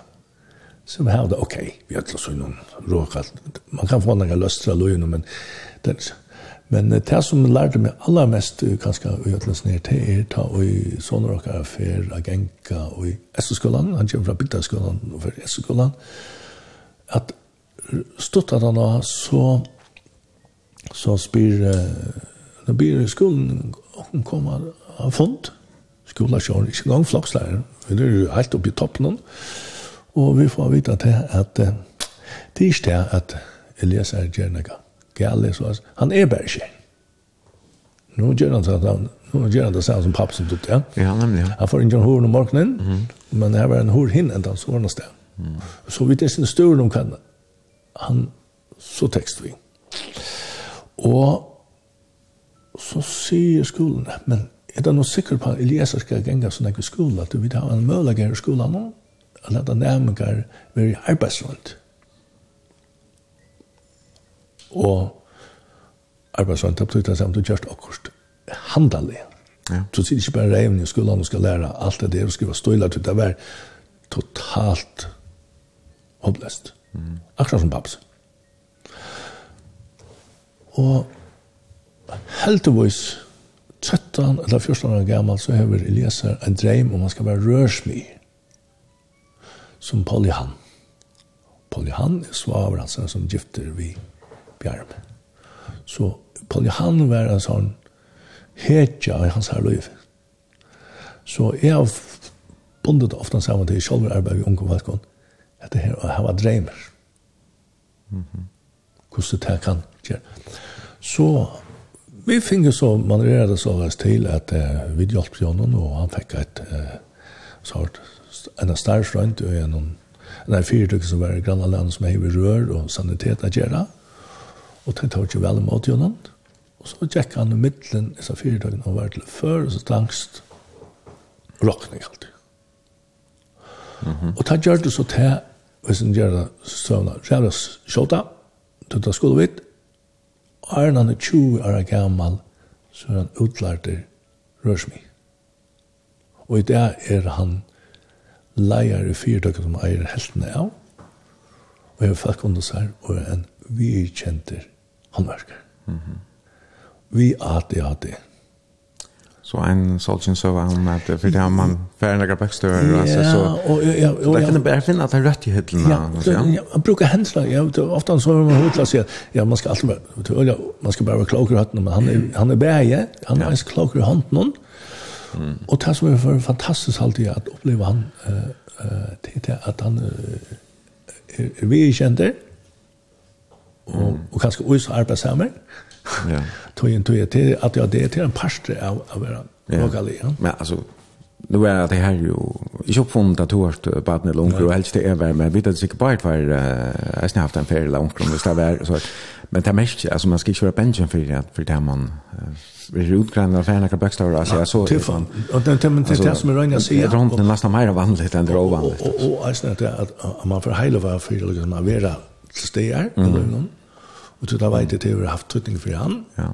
Du, det har Men det som kanskje har årega meg aller mest i ødlandsnering, mm. det er ikke han å gjøre, men det er et system, eller skolen sier, ja, men det er så reale å far for eldre som vilja til at sånne bøten skulle gjøre også annan enn gang i skolen. Ja. Og hvis det ikke var tid, hva er det så blitt til? Så er det en blandet, og Gott det man också med det papper då alltså att när det skapar en annan trick like man här så skulle det nog kunna klara att få ett arbete eller kunna få igång den. Så jag hoppas att Elias hör mig nu och sedan att och han har hört affär som att att är en annat att i öllum sinne hurlevæsa. Mhm. Og og det blir sjón han han hurlevæsa så där vit og han og som man säger lærde upp så väl Och det som han är vi var det eller koffer det var det mest ovinnarliga att jag det samfället Du du vet det.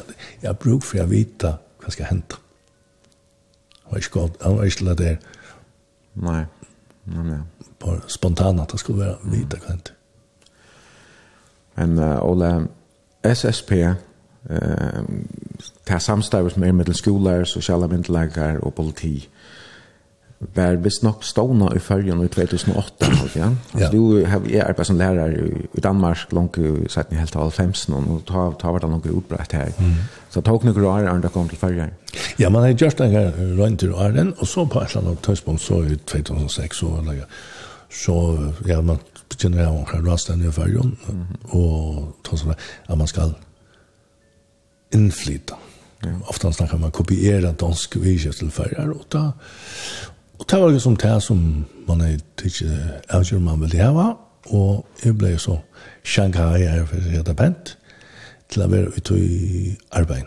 Ja, så det danska med modeller var, var en firmynd å begynne vi? Ja, altså det er ikke firmynd ute i, ja, og, og, og det som, hvis jeg minnes det, sånn som jeg minnes det, det var det at, og etter åren jeg ble klagare på hva fyrbyrking er, men liksom det som er dottet da, og så var det så var det faktisk opptidsen av at det skulle være til å bæsa avlevna og tykkeskap mittlen nærmere i framastalt.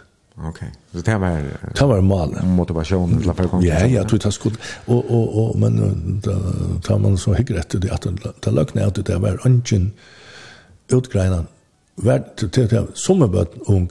De de de fitla nek og ta blei så ein sånn mynd skjoldsmynd av kus løyve var de seg han av ødl men det er ikke ødl Nei. Ta i seg 20 år sammen. Så det, og så, men til nøker, man tar ofte til nøker er i sving til at flippe ut. Ta i teka, ta i teka, sette dagsgrunn. Men uh, du fortalte meg Da vi pratar samman för att en at, att lower broad mellan ung i fattelnägg så tog innan så igen SSP samstabbe. Man er alltid någon som är aktuell och papper och ta ut och in ta att man sätter SSP som tar väl lower broad eller mellan ung då lower broad är plus 15. Ja, nemlig, ja. Og det var la om hundra, og i det ligger det om 30. Og det som man, men Men vi tar sånn, alt dette er skukkatøl, tror jeg at vi da finner uh, internet uh, ja, det, det. så her ligger nek annet som kanskje ikke kommer i dagsens show så, og faktisk det som kanskje er, er dagsens tema det er mindre deiling og hederstall ja. og til lovarbrått mm. men kommer til noen å vei fram det er til ofte en her og så den, eh, ta vidt du var herligere sånn at vi skulle gerne. Vi bartes to. gå an. Eller hva vi var ja. Jeg på kjaften, og så var det ivsteg. Men nå er det jo alt meldt. Det er nulltoleransa for en tog, ja. Så at, men lov er brått med, med ung, til dømes harskaber er nesten lunchen. Men så er det en ek fyrbyrging, som du sier, eisen, å lære bøten ung, å bruke sosiale midler ganske rett. Ta, man får halt ved et arbeid, så halt man det. Nå skal man arbeide vid rostrekk og så, altså. Ja. men det, det er her som det er, men altså, det er for at ikke gjørs vidt han forstand, utan så vi har foreldrene har banan. Men nå kommer jeg også om, om i Øslandet, her hadde det jo store troplegere av ungen, helt ungen som, som drukket og, og drukket illa. Ja. Och och och tänker på innan att natten men her, her kört det et eller annet som som blött det. Ja, och det som är så är så mer vad säger lärarrykt det så jag är som jag vill så här värna till det att ta var för att det hände ett land innan för fyra beijing ut mycket tutsch ett hotel för man får att ta så om om fyra beijing ta snacka om kvart istället för att säga kvart vi skulle eh inte hava Mm så kan vi vilja hava? Vi vil hava det gode løy, vi vil hava, og det er et til og med et år helsefremjan. Og til salerlig helsefremjan, altså er, man hever det godt innen seg selv. Men, uh, og i Østland vil man så vi sånne her uh, store avtæsjene, nu kjønner og 6,5 eller noe sånt, så det er nekvar, det er nekvar røyntra. Og en par av tog, som vi kaller for X-faktoren, Det var ikke det hva det gjør det unge. Du vet så har vi unge gjør at det er lort ikke etter åkken. På samme måte som Så vi slår, men så akkurat høvskonte, hvis man sier at vi var en fyrdøk, det er foreldrene. Mm. Så foreldrene i Østlandet, det var bomba i nye, hvis man sier det så leis, at det var en trytning det her var for familiene, og være sammen, sindre ABC, som vi det har følgen, at, at, at, at, at til familjen som er tjattnan i sned. Å høre til, være parster av, njóta høgtøyner, seta seg fokus, og at foreldrene finner vi hva bøttene gjør. Ja. Du, du, du, hvis jeg tar minnes mitt lov ut av i hver vatten, foreldrene kommer være aner ikke hva de gjør det. Jeg kom ferdig til velbastær, gengel til velbastær, så spurte jeg velbastær, veist du hva, vet mamma din hva du erst? Å nei helst du skal ringe til henne og si at du är väl bästa. Ja, så sier han allt. nei, det har också i allt. Mm. Så är innviklet inte det. Men så det utländska samfunnet gjør det seg här. Om jag att sätta foreldrene i fokus. Du tar var det som var det beste fyrbygget. Og nu nevnte du at du er 96, men jeg husker for en 5-12 år igjen. Da var det et størst problem som vi har med unga som bare sig och det har gått någon. Eh och så nej i Island. Nej nej det är äldre än det. Är det för gång vi är så flyttar till på. Är det så länge sen? Ja. Ja det är som en en lång så Thomas så X-faktorn var eh måste man kan till två ting som ligger just där. A broker för äldre. Mhm. Till dem så har vi här för en nice look on Island där så har vi för äldre balkar. Ja. Om vad kan en så skulle flatch. I Island där ska man ta. Varje släpp man att så man kanskje bæka en kake til jola eller gjøre jola. Her er foreldrene en parter og tar foreldre funderere, så er det foreldrene vi, og så da så er man noe som er i Øsland, er det tøyma stunda korti.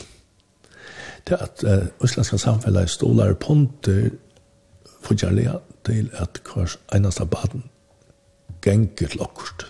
Mm. Og så er det lykka mykje om det skåte, uh, etla tvørfløyte, eller håndbolt, eller, og det er man så eisende, og det har vi, det har vi rent at vi er vidt til at sette dagskraja i fyrjon, teksten er vi uten av i atna skola, til eisende fyrirbyggjante, at det er bare parstre og omkring. Ja. Og det er som man kommer under så til tilsyn i fyrjon. Hvordan store er det som Er trobladjen i fergen i mån till jag grannar långt helt då. Ja, men så det blir nog färre att det här. 20 prosenten kommer. Ja. Och, och tar vi så tas det tar så vi fagfolk faktiskt bättre där Nei, Men vi spär importerar så 20 ner i Danmark altså? Nei, ja, men men men men det tar så ju också problem i fergen, eller som man sier, vi gjør ikke noe om Jerry tänker at hitje etter og få ordentlig tøl og hva det er så. Men så tar er så er det jo i Ute i det verre løyvna, skal man säga så, ikke enn skrivstå i havn, tog det tog meg ikke så vel, jeg tog meg å være her som falskje, så spør jeg til dem en skuldaflokk, læreren her. Ta du hoksar 20 prosent, så sier jeg som en minst av kanskje mer. Så ta det, vi setter det inn i en sammanheng, for en stakka skuldaflokk, eller en baltingarstov, eller hva vi er det, så det ikke bare teoretisk talt, da kunne de sutja fyra seg igjen. Her var Hanna og Jakob og kanskje Lisa. Ja, ja. Det var jeg. Ja. Det er jeg. Men, men tar man hoksa på Hanna, så får man det under eier. Mm. Men, um, altså, gå rundt til foreldre til at fylgja vel vi, ja, og at ikke blanda seg på i alt som foreldre, nei, som bøttene gjør, men at være her og stola under seg om alle dine. Ja, fylgja vi på avstand, eller hva? Ja, jeg elsker at, at man, man, man har sin egna familie, man øver seg på, på det, og, og til vi, vi minnes suksess og større suksess, det er velkommen så er sammen, men det er så det som det er, man, man lærer sin egna familie, man kan lese det bøker som man vil, uh, og Men hva, er det noe god råd? Ta Jesus, jeg har brukt nekva orske på, nei, tøy orske eller hva det er, av vera sammen vi vatten ungen, så ble jeg spyrir, så ble jeg ofte et sånt ganta år, så hva kan man bruka foreldre til? Så er det så, det der det snakk om penger og alt det der. Men så tar vi få det ordentlige helt sammen, helt inn. Vær her, men ikke blanda det. Mhm. Mm Og et annet som jeg har funnet på, jeg vet ikke, det er ikke funnet på, men det er noe som man lærer, så, så, så ble jeg ofte ned, det vi da var ofte hotlet, og det har jeg lært om en ekne familie, og jeg gjør lønn. Ganske man snakker og sånn ekve, kjappar. Mer man, man heldig man snakker, vi er sånne bøtene og kjappar, sier at det er tinnig ikke er bedre verdt. Og det er ganske virka akkurat motsatt. Da lukka ned, så spurte jeg en agente, en affær når du Så Hva gjørs du da mamma du inne heldur disse talene fyrir der? Nei, jeg lette som om at jeg hører, men, men jeg hører ikke hva han sier.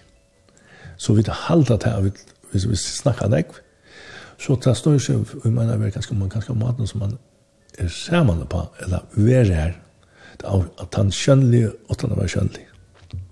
Og et som jeg har dyrka i noen år etter hånden til er, eh, man tar man ikke kan tar man ikke kan uh, röka vid åren så kan man röka kanske vid en klemme.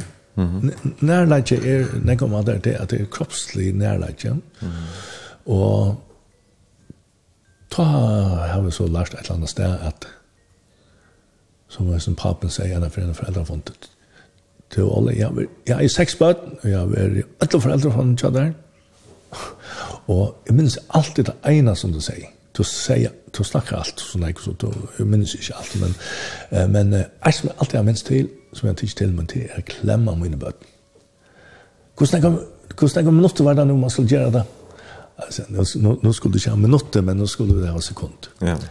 Man kan bara oj så kör där att släppa sin bötten säger till när Du faktiskt tåta vet det men fatta är kläm och det ska vara i 6 sekunder. 6 sekunder stoppar vi fram. Ja. Eller, man mest då så här. Här, här ja. Och, och så säger han, ja, just att mina bötter som pappen. Mm. Och det virkar. Men nu kan bara nu vi mina jenter som är 13 14 där. Och inte alla vill men i hand fasta lucka. det ska nog komma efter. Ja, ja. Det kan vara kanske det är lucka sen det punle tar det blir från ja, för shakar och sådär. Ja. ja. Men uh, ja, allt är gott att klämmas. Jag snä klämma konna jag så här där vinner. Mm. Förringar halt i er så. Det upplevde det ju i där bor nere och det är jag kan danska vem man vi lever den förrän kan komma vi kan i Danmark. Det det danskar också hem alltså förrän kan klämmas det ölen jag alla sådana tröjna. och det är helt det jag kramar sko in en hel tiden. ja det är fast den för oss. Ja det är gott. Ja och så säger han fast Ikke inte så harst vad var det så Så, Nej. Så man tar väl som... Ja, jag håller man kan nästan inte klämmas för näck. Alltså, hvis man helst sitter så tjej så kommer det inte. Så, ja. så plejer jag säga sångspel. Jag visste det mer ja, så måste vi ha koll. Ja, det vet jag. Olle, vi får spela en sangaträtt och har valt. Lockan är det godle vid Jens Marna mm. som Ken Paulsen har gjort år till. Mm. Och, och han ska han ska är en ojämnt out här att, att vi kunde inte fixa allt och och röna finna några glädje som är ju och göra sten. Mm. Vi kunde kämpa på inte allt men man gör men allt jag som blåser kanske en att du som jag vill gärna vara vi i SSB arbete. Ja. En deilig sanger. Og annars så er det altså 2400, man kan senda en helsan enn vi merking til en spurning. Man kan lese på Facebook-synet, BRONSJ. Her er Jens Marni Hansen fast you natchen Innu hesa ver Og vita ikkje tak ver Og i lagna nokon ber. Luivi er så imest Vit fåa her a gjør. Lagnan tidsis løyen Stunden når at vi så hör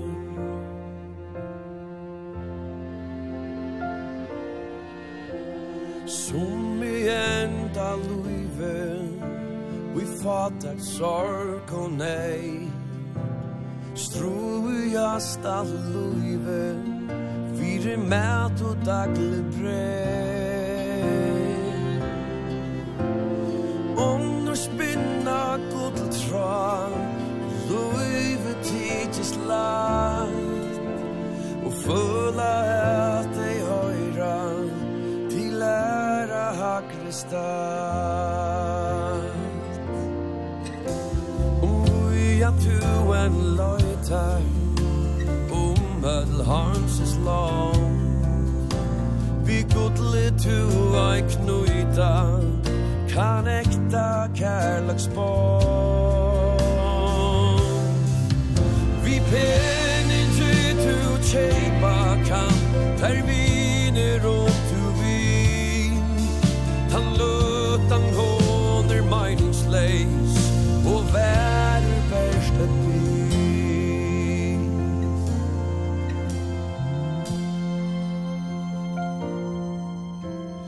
Hjärsta tuta vajtet En rattur vinur er. Vysa tæra neina Og kvæt og i munen gjer Han vyser ate i vajkon Og djevur tærte i rann At hjelpa taimur neina Vi tøy nun gilt a tra Taxi me og glede Tu i torra ei un sær. Her gav han største av ödlom Vi tu kan instja tær.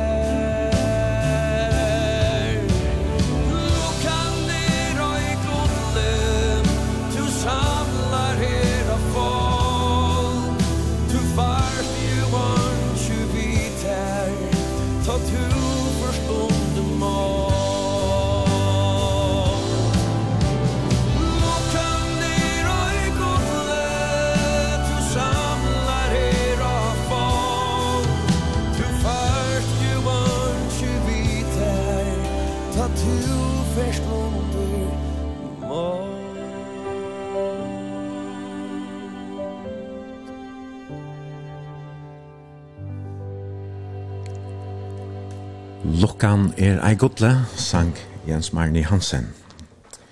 Det er Ole Robeksen som er gestor i bransjemorgon, og vi har sett nu i uh, nastan tvær tog i mer, men nærkast enda noen. Men Ole, nå tås vi om SSP-arbeid og så, og hva det er alt det. Vi bøtt noen og så her. Men du så valgte Djevas nu, først i uh, nasta måned verda, 1. desember, ja? Mm. Ja, det, man, man kommer til et, et punkt der og Det hendte et eller annet vi, vi mer for en år siden, en år siden, at, altså, kroppen ville ikke, som i helt han skulle.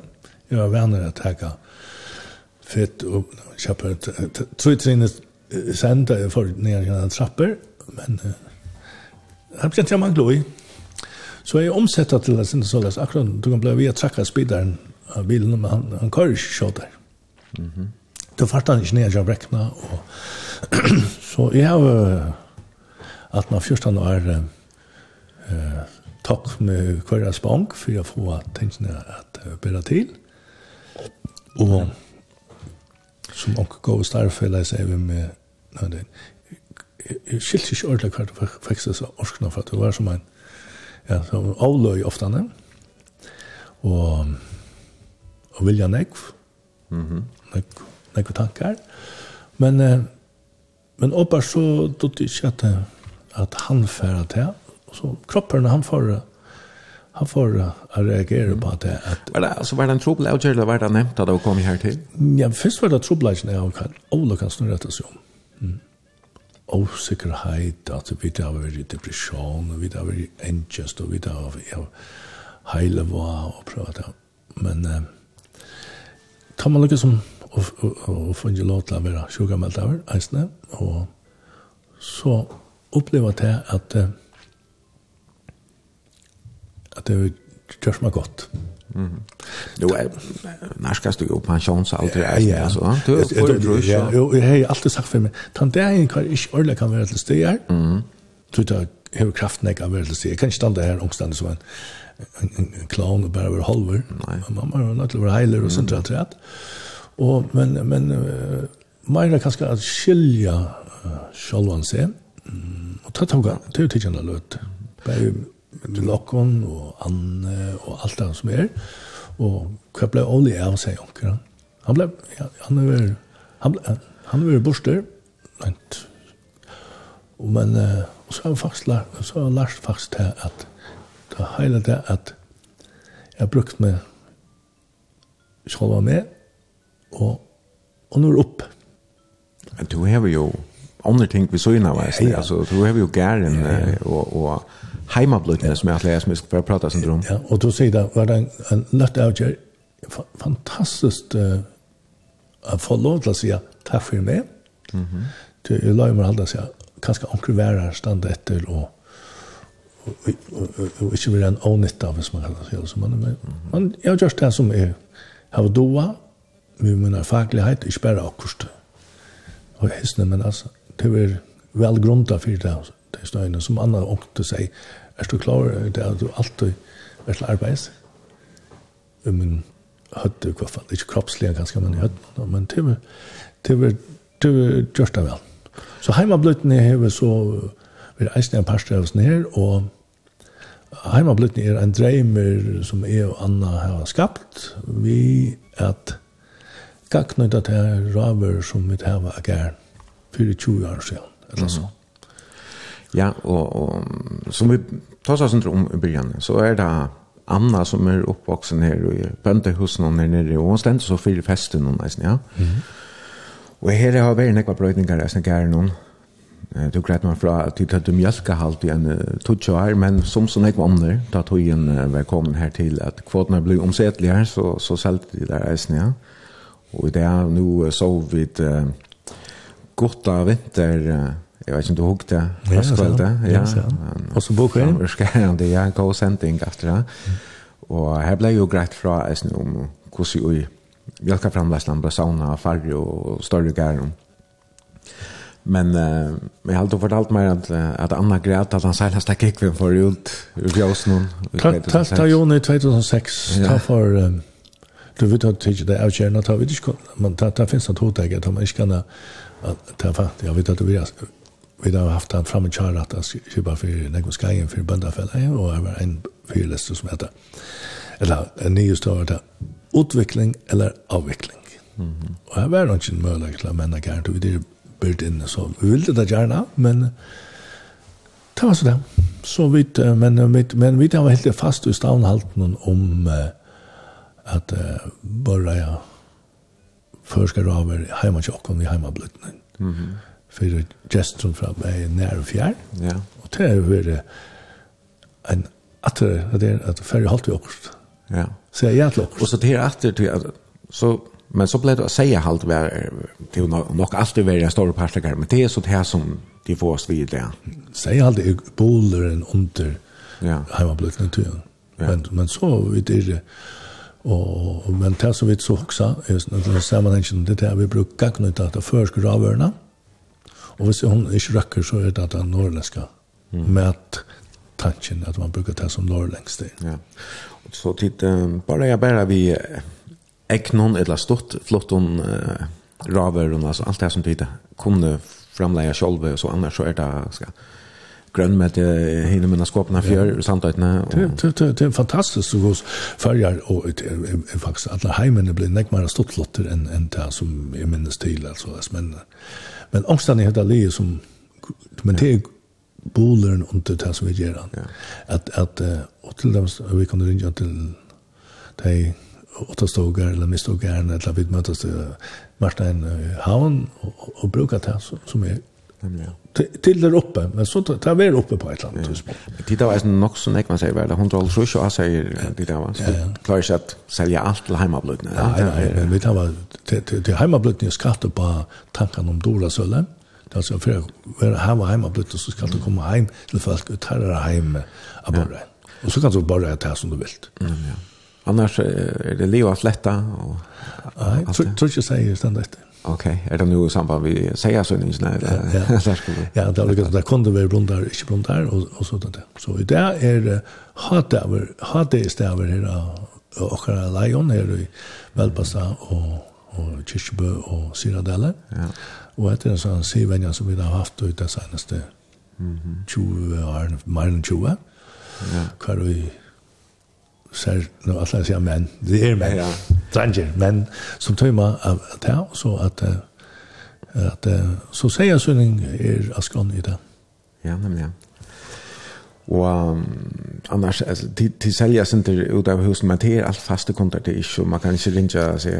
Nå har jeg slått å si at, at, at, men det kan man si, det, det, det, det som er, som man, folk kommer til, og tar, ja. tar fra, og slags, men, en parst av kundaskæren til åkken er bare privatfolk, ja. men ikke minst eisne onker onker eldresheim. Å ja. Tog at det er eisen tøytning for deg, det vil jeg gjerne at det er nekka vi til førska maten som, det kan stå, det er ikke nekka som annar eier til dem sier vi torst og rast, eller rast og torst, om vi som velger det, og det har vi til okra matmenta, men det har eisne vi til okra minnesmet Det er ryker av Stockton Rivon så, ja. så, så, så blev vi det händer också vi också wow. så, ja. nostalgi ja och wow hade no, hade glädje sig till att den smatchen som hörs vet som någon till och och och högt innan till Eisen Jolar så det vi vi märker det Eisen att att ta i november man stöttest och 1. december så kommer det ett ett klart nu. Ja. Så faktiskt man tar det igång för man munkar efter att få en annan särskild bitan om tungan. Ja, ja men. Men tid har snä bridge roi här av Elbast alltså då en hugg som det här hotet så stort flott är det här är snäga som du brukar till hemmablöt nä. Först när då var för vi alltid det var så öl upptäckte av att det var gott vin och och stärsta så i maten. Men nu nämnde du Gotta, Janne. Ja. Han är nesten pastaktig. Mm, ja. Det kan være, ja. ja. Og så, han var eisen her gestet tjokken for noen år siden, og vi snakket om sex, tjej. Ikke, ikke 20-30 år, nei, nei, nei, sex. Så han var jo John Horna, i leia kveld, klokken etter, og så sier han, du at det her vi ikke være noen. Hatta kunne du gjørs bedre. Ja, ja. Og det var ikke kanskje det man har gjort til at høyre resten for kjørhårene, men faktisk en, en stor lærdom, så spyr han, så spyr han, hva mener du vi? Så han sender jeg pedagogisk verden og innom, så sier han at det, det finner du selv det. Så jeg, så, så jeg var et leie kveld, en stund det var, men mandag morgen klokken åtta, da ble jeg røy lett opp her oppe. da var det Peter Øl var velmaktene, så sier vi her var en oppgave her. Hva for øl kunne passe til imenske ratten som vi bjør. Ja. Og da ble jeg faktisk leten en, en, en, en nødger heimer opp for åkken, og ikke minst jeg vil akkurat gester at jeg bruker øl at vi møter på en annan måte enn man var venner vi. Og da har vi så lært at uh, ikke bare føringer, men altså, akkurat gestur til å komme til bæreføringar og folk om ikke alle være sånn, men utan å heime hva for alle. At dette er jo godt å ikke prøve for meg, dette er ikke vel. Ja. Så dette er at, nekva at, som vi gjør, at det er at tårer gjør også man ikke blir gjør. Ja, nemlig. Nu er heimablutne og til at folk kunne fære ut og eta lokalt kring Atlante. Det er ganske mye, det er brett seg, så senast i årene, men uh, Men byrjanen hon var alltså det tro på land. Jeg minnes det helsefrøyelige starvståa var ikke så øyelige glad för för at det var lojal til seg her, matsölna som som, men så ble det brott till ja ja ta som som la vi oss ned til det, där vid Anna var över farmöver i i bandafällan i mm -hmm. grar og Det var et eller annet, ja, det skulle, akkurat tøyen passet vi kvart inn, vi dyrer tøtj, et eller tølv, annars ja, vi dyrer også nær, Men vi opplevde ofte at ta folk var ut, særlig ut av Uh, så tatt hun kunne få et at han kunne drikke kaffe og en plastikkrossa. Ja, få vafler eller? Nei, ikke engang. Ikke engang? Nei, fiks. Karamell. Ja. Tøyta, man har ikke lov til å gjøre noe som ikke var ordentlig så hardt, clean, godkjent. Ja. Og her var så flere parster i snill som var i en arbeidsbølge som ble til uh, grundläggande främma vet man fick det så tvinna samma vi att ja men jag vi kunde sälja dåra söle krov John Horna kunde vi bruka det som skipan folk komma hem ja. till folk privat och ett alltså vi kunde inte göra hemma blötne ärastan in jock. Vi kunde inte vara näst ett land walk eller det ska vara hemma här så vart och ta Det brøt i alt. Ja, det, nei, det var ikke nevnt. Ja, ja, man er, det er det. Man er parster av noen større fellesskap enn en det. Men, men heldigvis, alle alle oss lukker, kan man si at det. Så var det noen politikere som tog ikke under vi at Jan sette at gjøre med innkjønnsjølven vi Dorasvall. Ja. Och det är så lätt ju upp för Ja. att att en av hur hennes Jens kan bara inja så själv och och få det ut. och men men är såna harmer om och därför jag lär mig säga det. Hade var några som skulle höra till det som finns i böndaskap. Ja. Som skulle ha hans rätt. Men men nu det blev till en av kvar som har gjort det. Ja. Och det var det var inte det bönderna vardestom. Men Um, Men men vi vi nu då finns ju läckna löv så. Ja ja, så vi det här. vi Nej, så serverar fiskar frikadeller. Ja ja, jag tar gärna det som som vill jag ha. Ja, och tar gärna det som vi går. Ja. Alltså det är väl lägga så är det som vi bara ja det är kan med du sätta bara det flott fint. Eh och och du kan släppa smaka förjar som jag plejer säga där men det som är mest avgörande det är att du som värster tårer att ha gäster inom din privata hemmet. Ja, at å føle at jeg, at jeg er velkommen. Mm -hmm. Nu har det ju nekvar runt över till vår mitt det första som som börjar då och till har haft stor sällskap. Vi har alltid kunnat ha en i vetret och folk här inne till Ja, vi kom til å se at det er lunch og middel med andre, men la oss si at det er nok til det stappa. Ja, ok. Men, og her har vi nekve kjent folk, og kokker, men landa selv. Klaus Meier, ja, ja. som, som uh, han var villig att göra det norrländska manifestet alltså för kvart var man norrländska mäter alltså mm. Samna, ja och, och det var som, som fantastiskt att vi mötte Leif Sørensen uh, för den några först för att han hej som under går med mm. och på en mat är min, min chakra men det var så en avtala vi att vi han att jag vet jag flette fem säger i oktobermannen. Køyavik. Men så var en rådstevne i Sverige om den norrländska maten og alt det der. Og alle disse kokkene kunne ha så en matvare framleie visse. Og, og alle disse spårene som har vært alene til, liksom, ta, ta litt alt det der oppe. Og her, no, ok, det var noe som er et norrlæs manifest, og man skulle... Ikke tog at, at uh, matur alltid være parster av okkom, men lika så har man skärpa sansen. Mm. Och det blev man som parster av. Ja. Men så möttes i tam Klaus Meyer, Klaus Meyer den som känner han, han är han är stor arbetsgivare. Han är några större än mina. Eh och han var så isen här så har vi alltså känt om kocken i Norrland. Men så slapp jag uppleva en isen här hemma jag. För en år sedan för han var till en rastning och fyra bara inte till att han skulle slå- oppleva heimablitten. Så det var ikke noe annerledes enn en affæren av mest. Men det løkna var til at uh, telefonen hun kima i flyerferien om at jeg skulle ikke snakka for nek. Og lykka som dempa kunna sinter. Men jeg har lært etter hånden til at da man, ja, nei, jeg har ja, ringur røynton uh, lært til at meira til jeg med gesten, minni er i e, et eller annet. Men det är autentiskt vad det blir sin kanske. Och man just man man man man man, og godt et eller annet sted skapa seg, eller man er är släkt som man er. Så man ska bara söka att att för det skal etna, så skal man bare være seg selv färdigt. og ikke være noe annet. Så Klaus Meier kommer her, og vi skulle være så og så og så sier han nei, for helvete det är gonger ikke. Ja, och så är jeg kunde ta seg ved sånne tankene sine, nå må vi dårlig møtes mannen, Mm. Så har man sånn gå og hodet ikke å si, at kjenner kong, men kong kjenner onkan. Og da sier vi, hva fan mener du? Nei, for satan, det kan vi ikke ha. og at han så hørte det fyrir kjøpene sier, at det akkurat det, at man bruker utländsk icebreaker, mm. man sier bare, Mm. Jag pjörs packa det, men nej för satan, det kan vi inte. Och så var det på kvällen bara, så var banen. Mm. Så man det farligt att Ja. Ikke være annet enn sjåvann seg. Ja, men.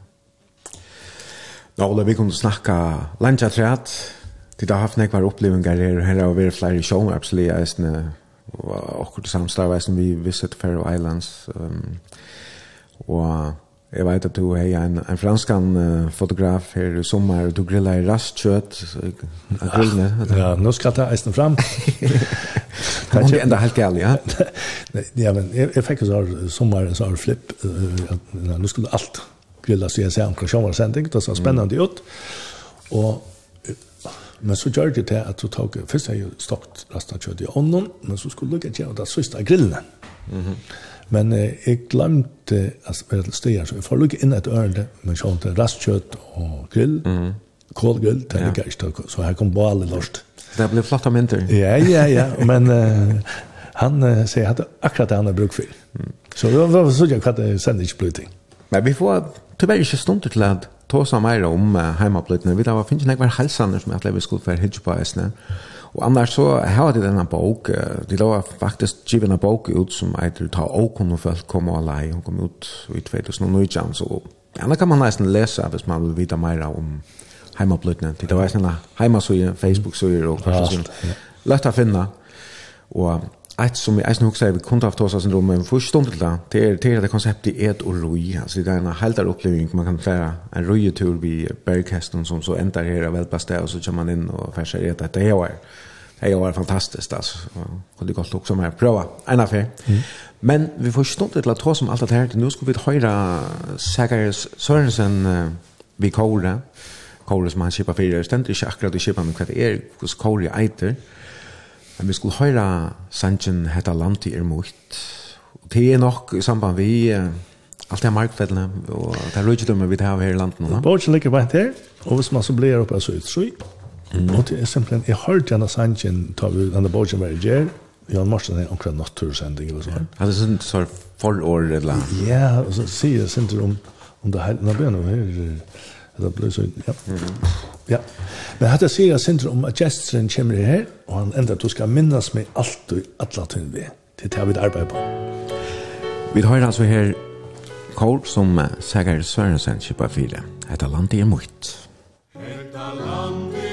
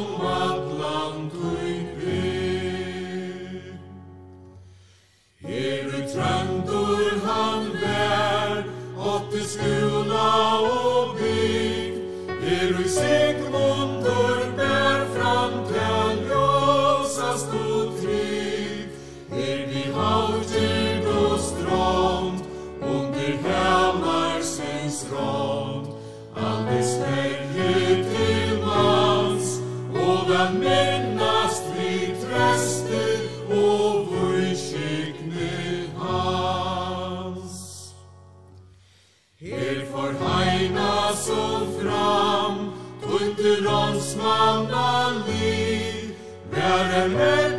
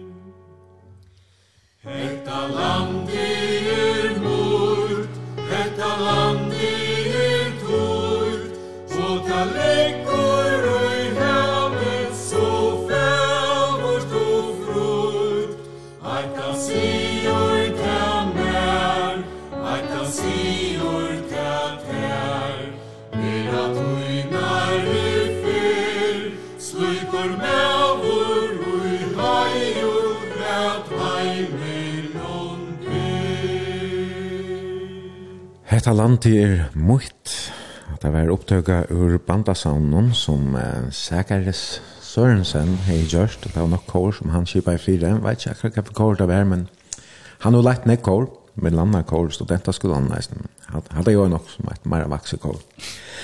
Men her er Ole Rupeksen som er gestur brunch i morgen, og vi har sendt nu i tvær tøymer av Velpastan.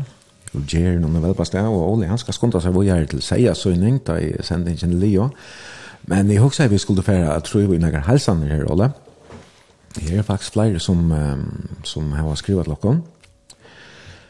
Ein uh, skriver um, mellom andre her. Hei Brunch, jeg kjenner ikke Ola. Jeg damer vel at høyre Brunch til det er en så menneskeslig og avhåverd sending, og det er en av standande lærende at høyre Ola i det. Det er særlig rørende og hodtekende at høyre hans er søvå, Hvordan hans har lagna i hur finnes han at menna slukt størst hjärsta og hjelp seg med motveisbøtten og ungen i fyrjon. Gåe pedagogikker han årar og mange gå oppbyggjande råd. Takk fyrir til Ola og Tikkon, ikkje honom og fru, alt det besta vi heimabløytene og ötlån framiver, og vil atla koma av vera gjester til heimabløytene her enn er fyrir kommande tog. Takk fyrir gåa sending, skriver Einar Sterger. Og en annan skriver jeg her, gå i Ole, så deilig å høre deg i morgen. Takk for ditt engasjement til Ødelbød. Og ja, en skriver så her, godt at papi Ola, Marius, jeg nevnte Marius Apostels noen, ikke slapp at oppleve hvordan ytla postverst er færre. ja, han er sikkert haft noen mening om det, ja. Mm. Ein halsan her megnar arbeid over just for nekva familjer og bøttar i SSP, og nei, lukkan er ei godle hoast mong halda da. Alt i stek hunalt at vidja Anno og Ola til heimablutne, nu kommer besta kjøtt i landen kjøtt i okkar et kjall. Så jeg var som en konta. ein her, ein skriver, så godt og lærande jeg høyra i morgon, men jeg tek opp epler i kvivvik, alt det besta. Alt det besta. Så er det en annan lortar her, Ole, som sier Klemmast man i 20 sekund hender nega helt særligt, helt særligt, ta ver man bleiter og avslappa over bæg i kroppi og sinn, røyn til han. Men du har alltså här 20 sekund till Nei, man jeg, jeg pleier å bruke mer än så tjej. Det som anpak för det er ganske... Nej, man ska bare mista lära tjej. Ja, ja. Så det er en som skriver her, Oli er statsfalk, men musikksmakeren, og så var det en smiley som himla vi er innom. wow. Jeg halte nu at du har valgt gåan og vel blanda igjen musikk, altså vi da har hørt bei Korsang, og vi da har hørt gamla danska tonleik fra Holt Rushenon, og vi har hørt kroner her som Barry White, og eh, Ray Charles, og vi da har hørt leisen, ja, så... Nei, vi kjører det samtidig. Jeg skriver eisen her, hei, totalt nostalgi, jeg var en showrunner, så skrek at høyre, hei, Chobank, skriver vi kommende. ja, Ole, her er det kommet uh, flere ærer, uh, vi må nok djevast nå, vi kan ta ganger enkelt at jeg Gå, Ole, takk for sera, sera godt samstarv i SSP. Takk for tunne faglighet, takk for tunne orske, og takk for tunne linte, og takk for te. Ja, og... Uh, Jeg skal være herrelde Ole Sangvelde Louise Forverste Ola. Takk til togene og ånden for tekkere kære. Og tekkere kære for godt vina og grannale. Og takk for mange medopplivingene. Det er en annen granne for Estan som skriver «Gå i Ole A og verst å høre det». Hette første for jeg sitter vi andakt og lortet etter der så langt. Ole er Ole, alltid akkurat alternativt til hosgått. Men evner som favor å få første og til løyve, ikke minst grannavlidene. Det er altså grannen for Estan som skriver. Senaste hälsan som jag får läsa här en som skriver Hej, gå och fitt jag Olle. Etla Eifen faktisk. Jeg ble glad av at Henry utvarpet da jeg hørte Justin. til Ole, og ser han ikke under när vidat. Jeg har nekva takka Ola Fyre, til han er årsøkjen til at jeg lærte til nomsfrøying, og jeg er sera takksom. Ja, Hva sier du til disse her helsene? Du ble så tiende alt, ja. Ja, men jeg tog jo alt av kjapt. Jeg sa til helt det at, nei, særlig at det er ur Mm. eller ikke tunker, men at det ta bilar ikke. Så nu sitter jeg her og er takksamme for at jeg har fått lov til å være, jeg kallar det for vittnesbord. Men, Ja. Men at jeg har få lov til å ta i eisene, slapp jeg takka for meg og sammen med at jeg lengt arbeidsløy på hendamaten, at jeg slapp ut. Mm. Og være sammen med folk på en måte. Mm. Det, jeg visste ikke alt det for å være, men det ble, ble så jeg er etter feien. Ja. Jeg slapp å takke av på en måte. Og jeg vil takke deg for at jeg kunne komme her og vidtja til og om det, og takke deg for en lekkran brunch i morgen. Og jeg hadde vi for å få noen lytte bit av treet nå da jeg sendte inn til Leon. Og til skal, som sagt, skundet deg vågjere, nyan til uh, at det er vinen der, i samband vi uh, säger sönningena som är här idag.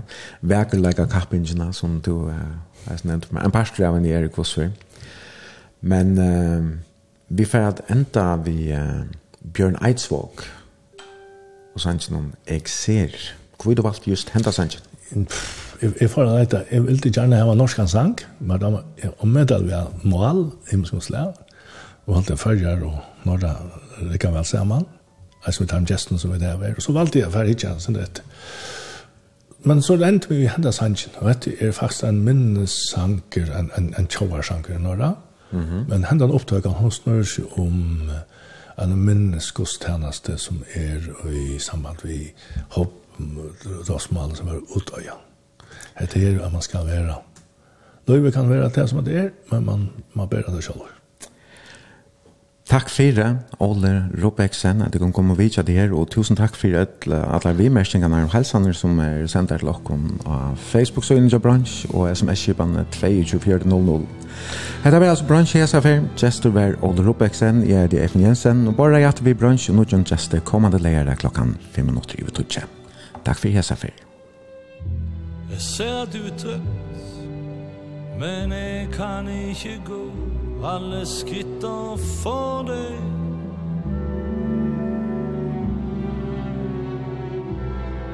Du må gå de sjøl Men jeg vil gå de med deg Jeg vil gå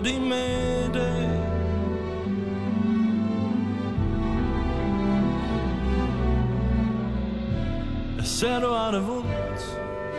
Men jeg kan ikke grine. Alle tårene for deg. Du må grina di sjøl Men jeg vil grina med deg. Jeg vil grina med deg.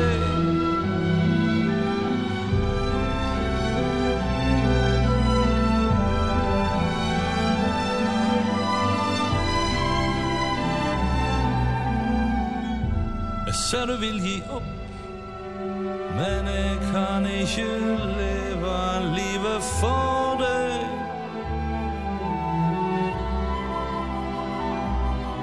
Du må leve det selv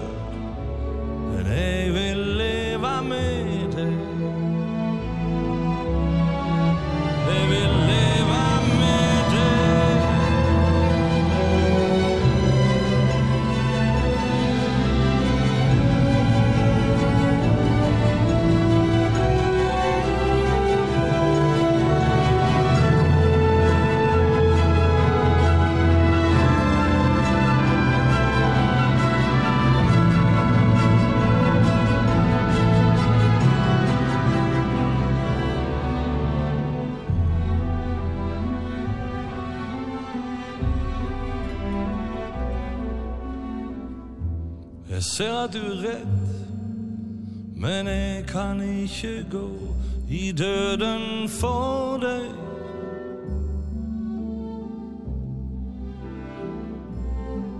Du må smake en sjøl Men jeg er død til liv for deg. Jeg er død til liv for deg.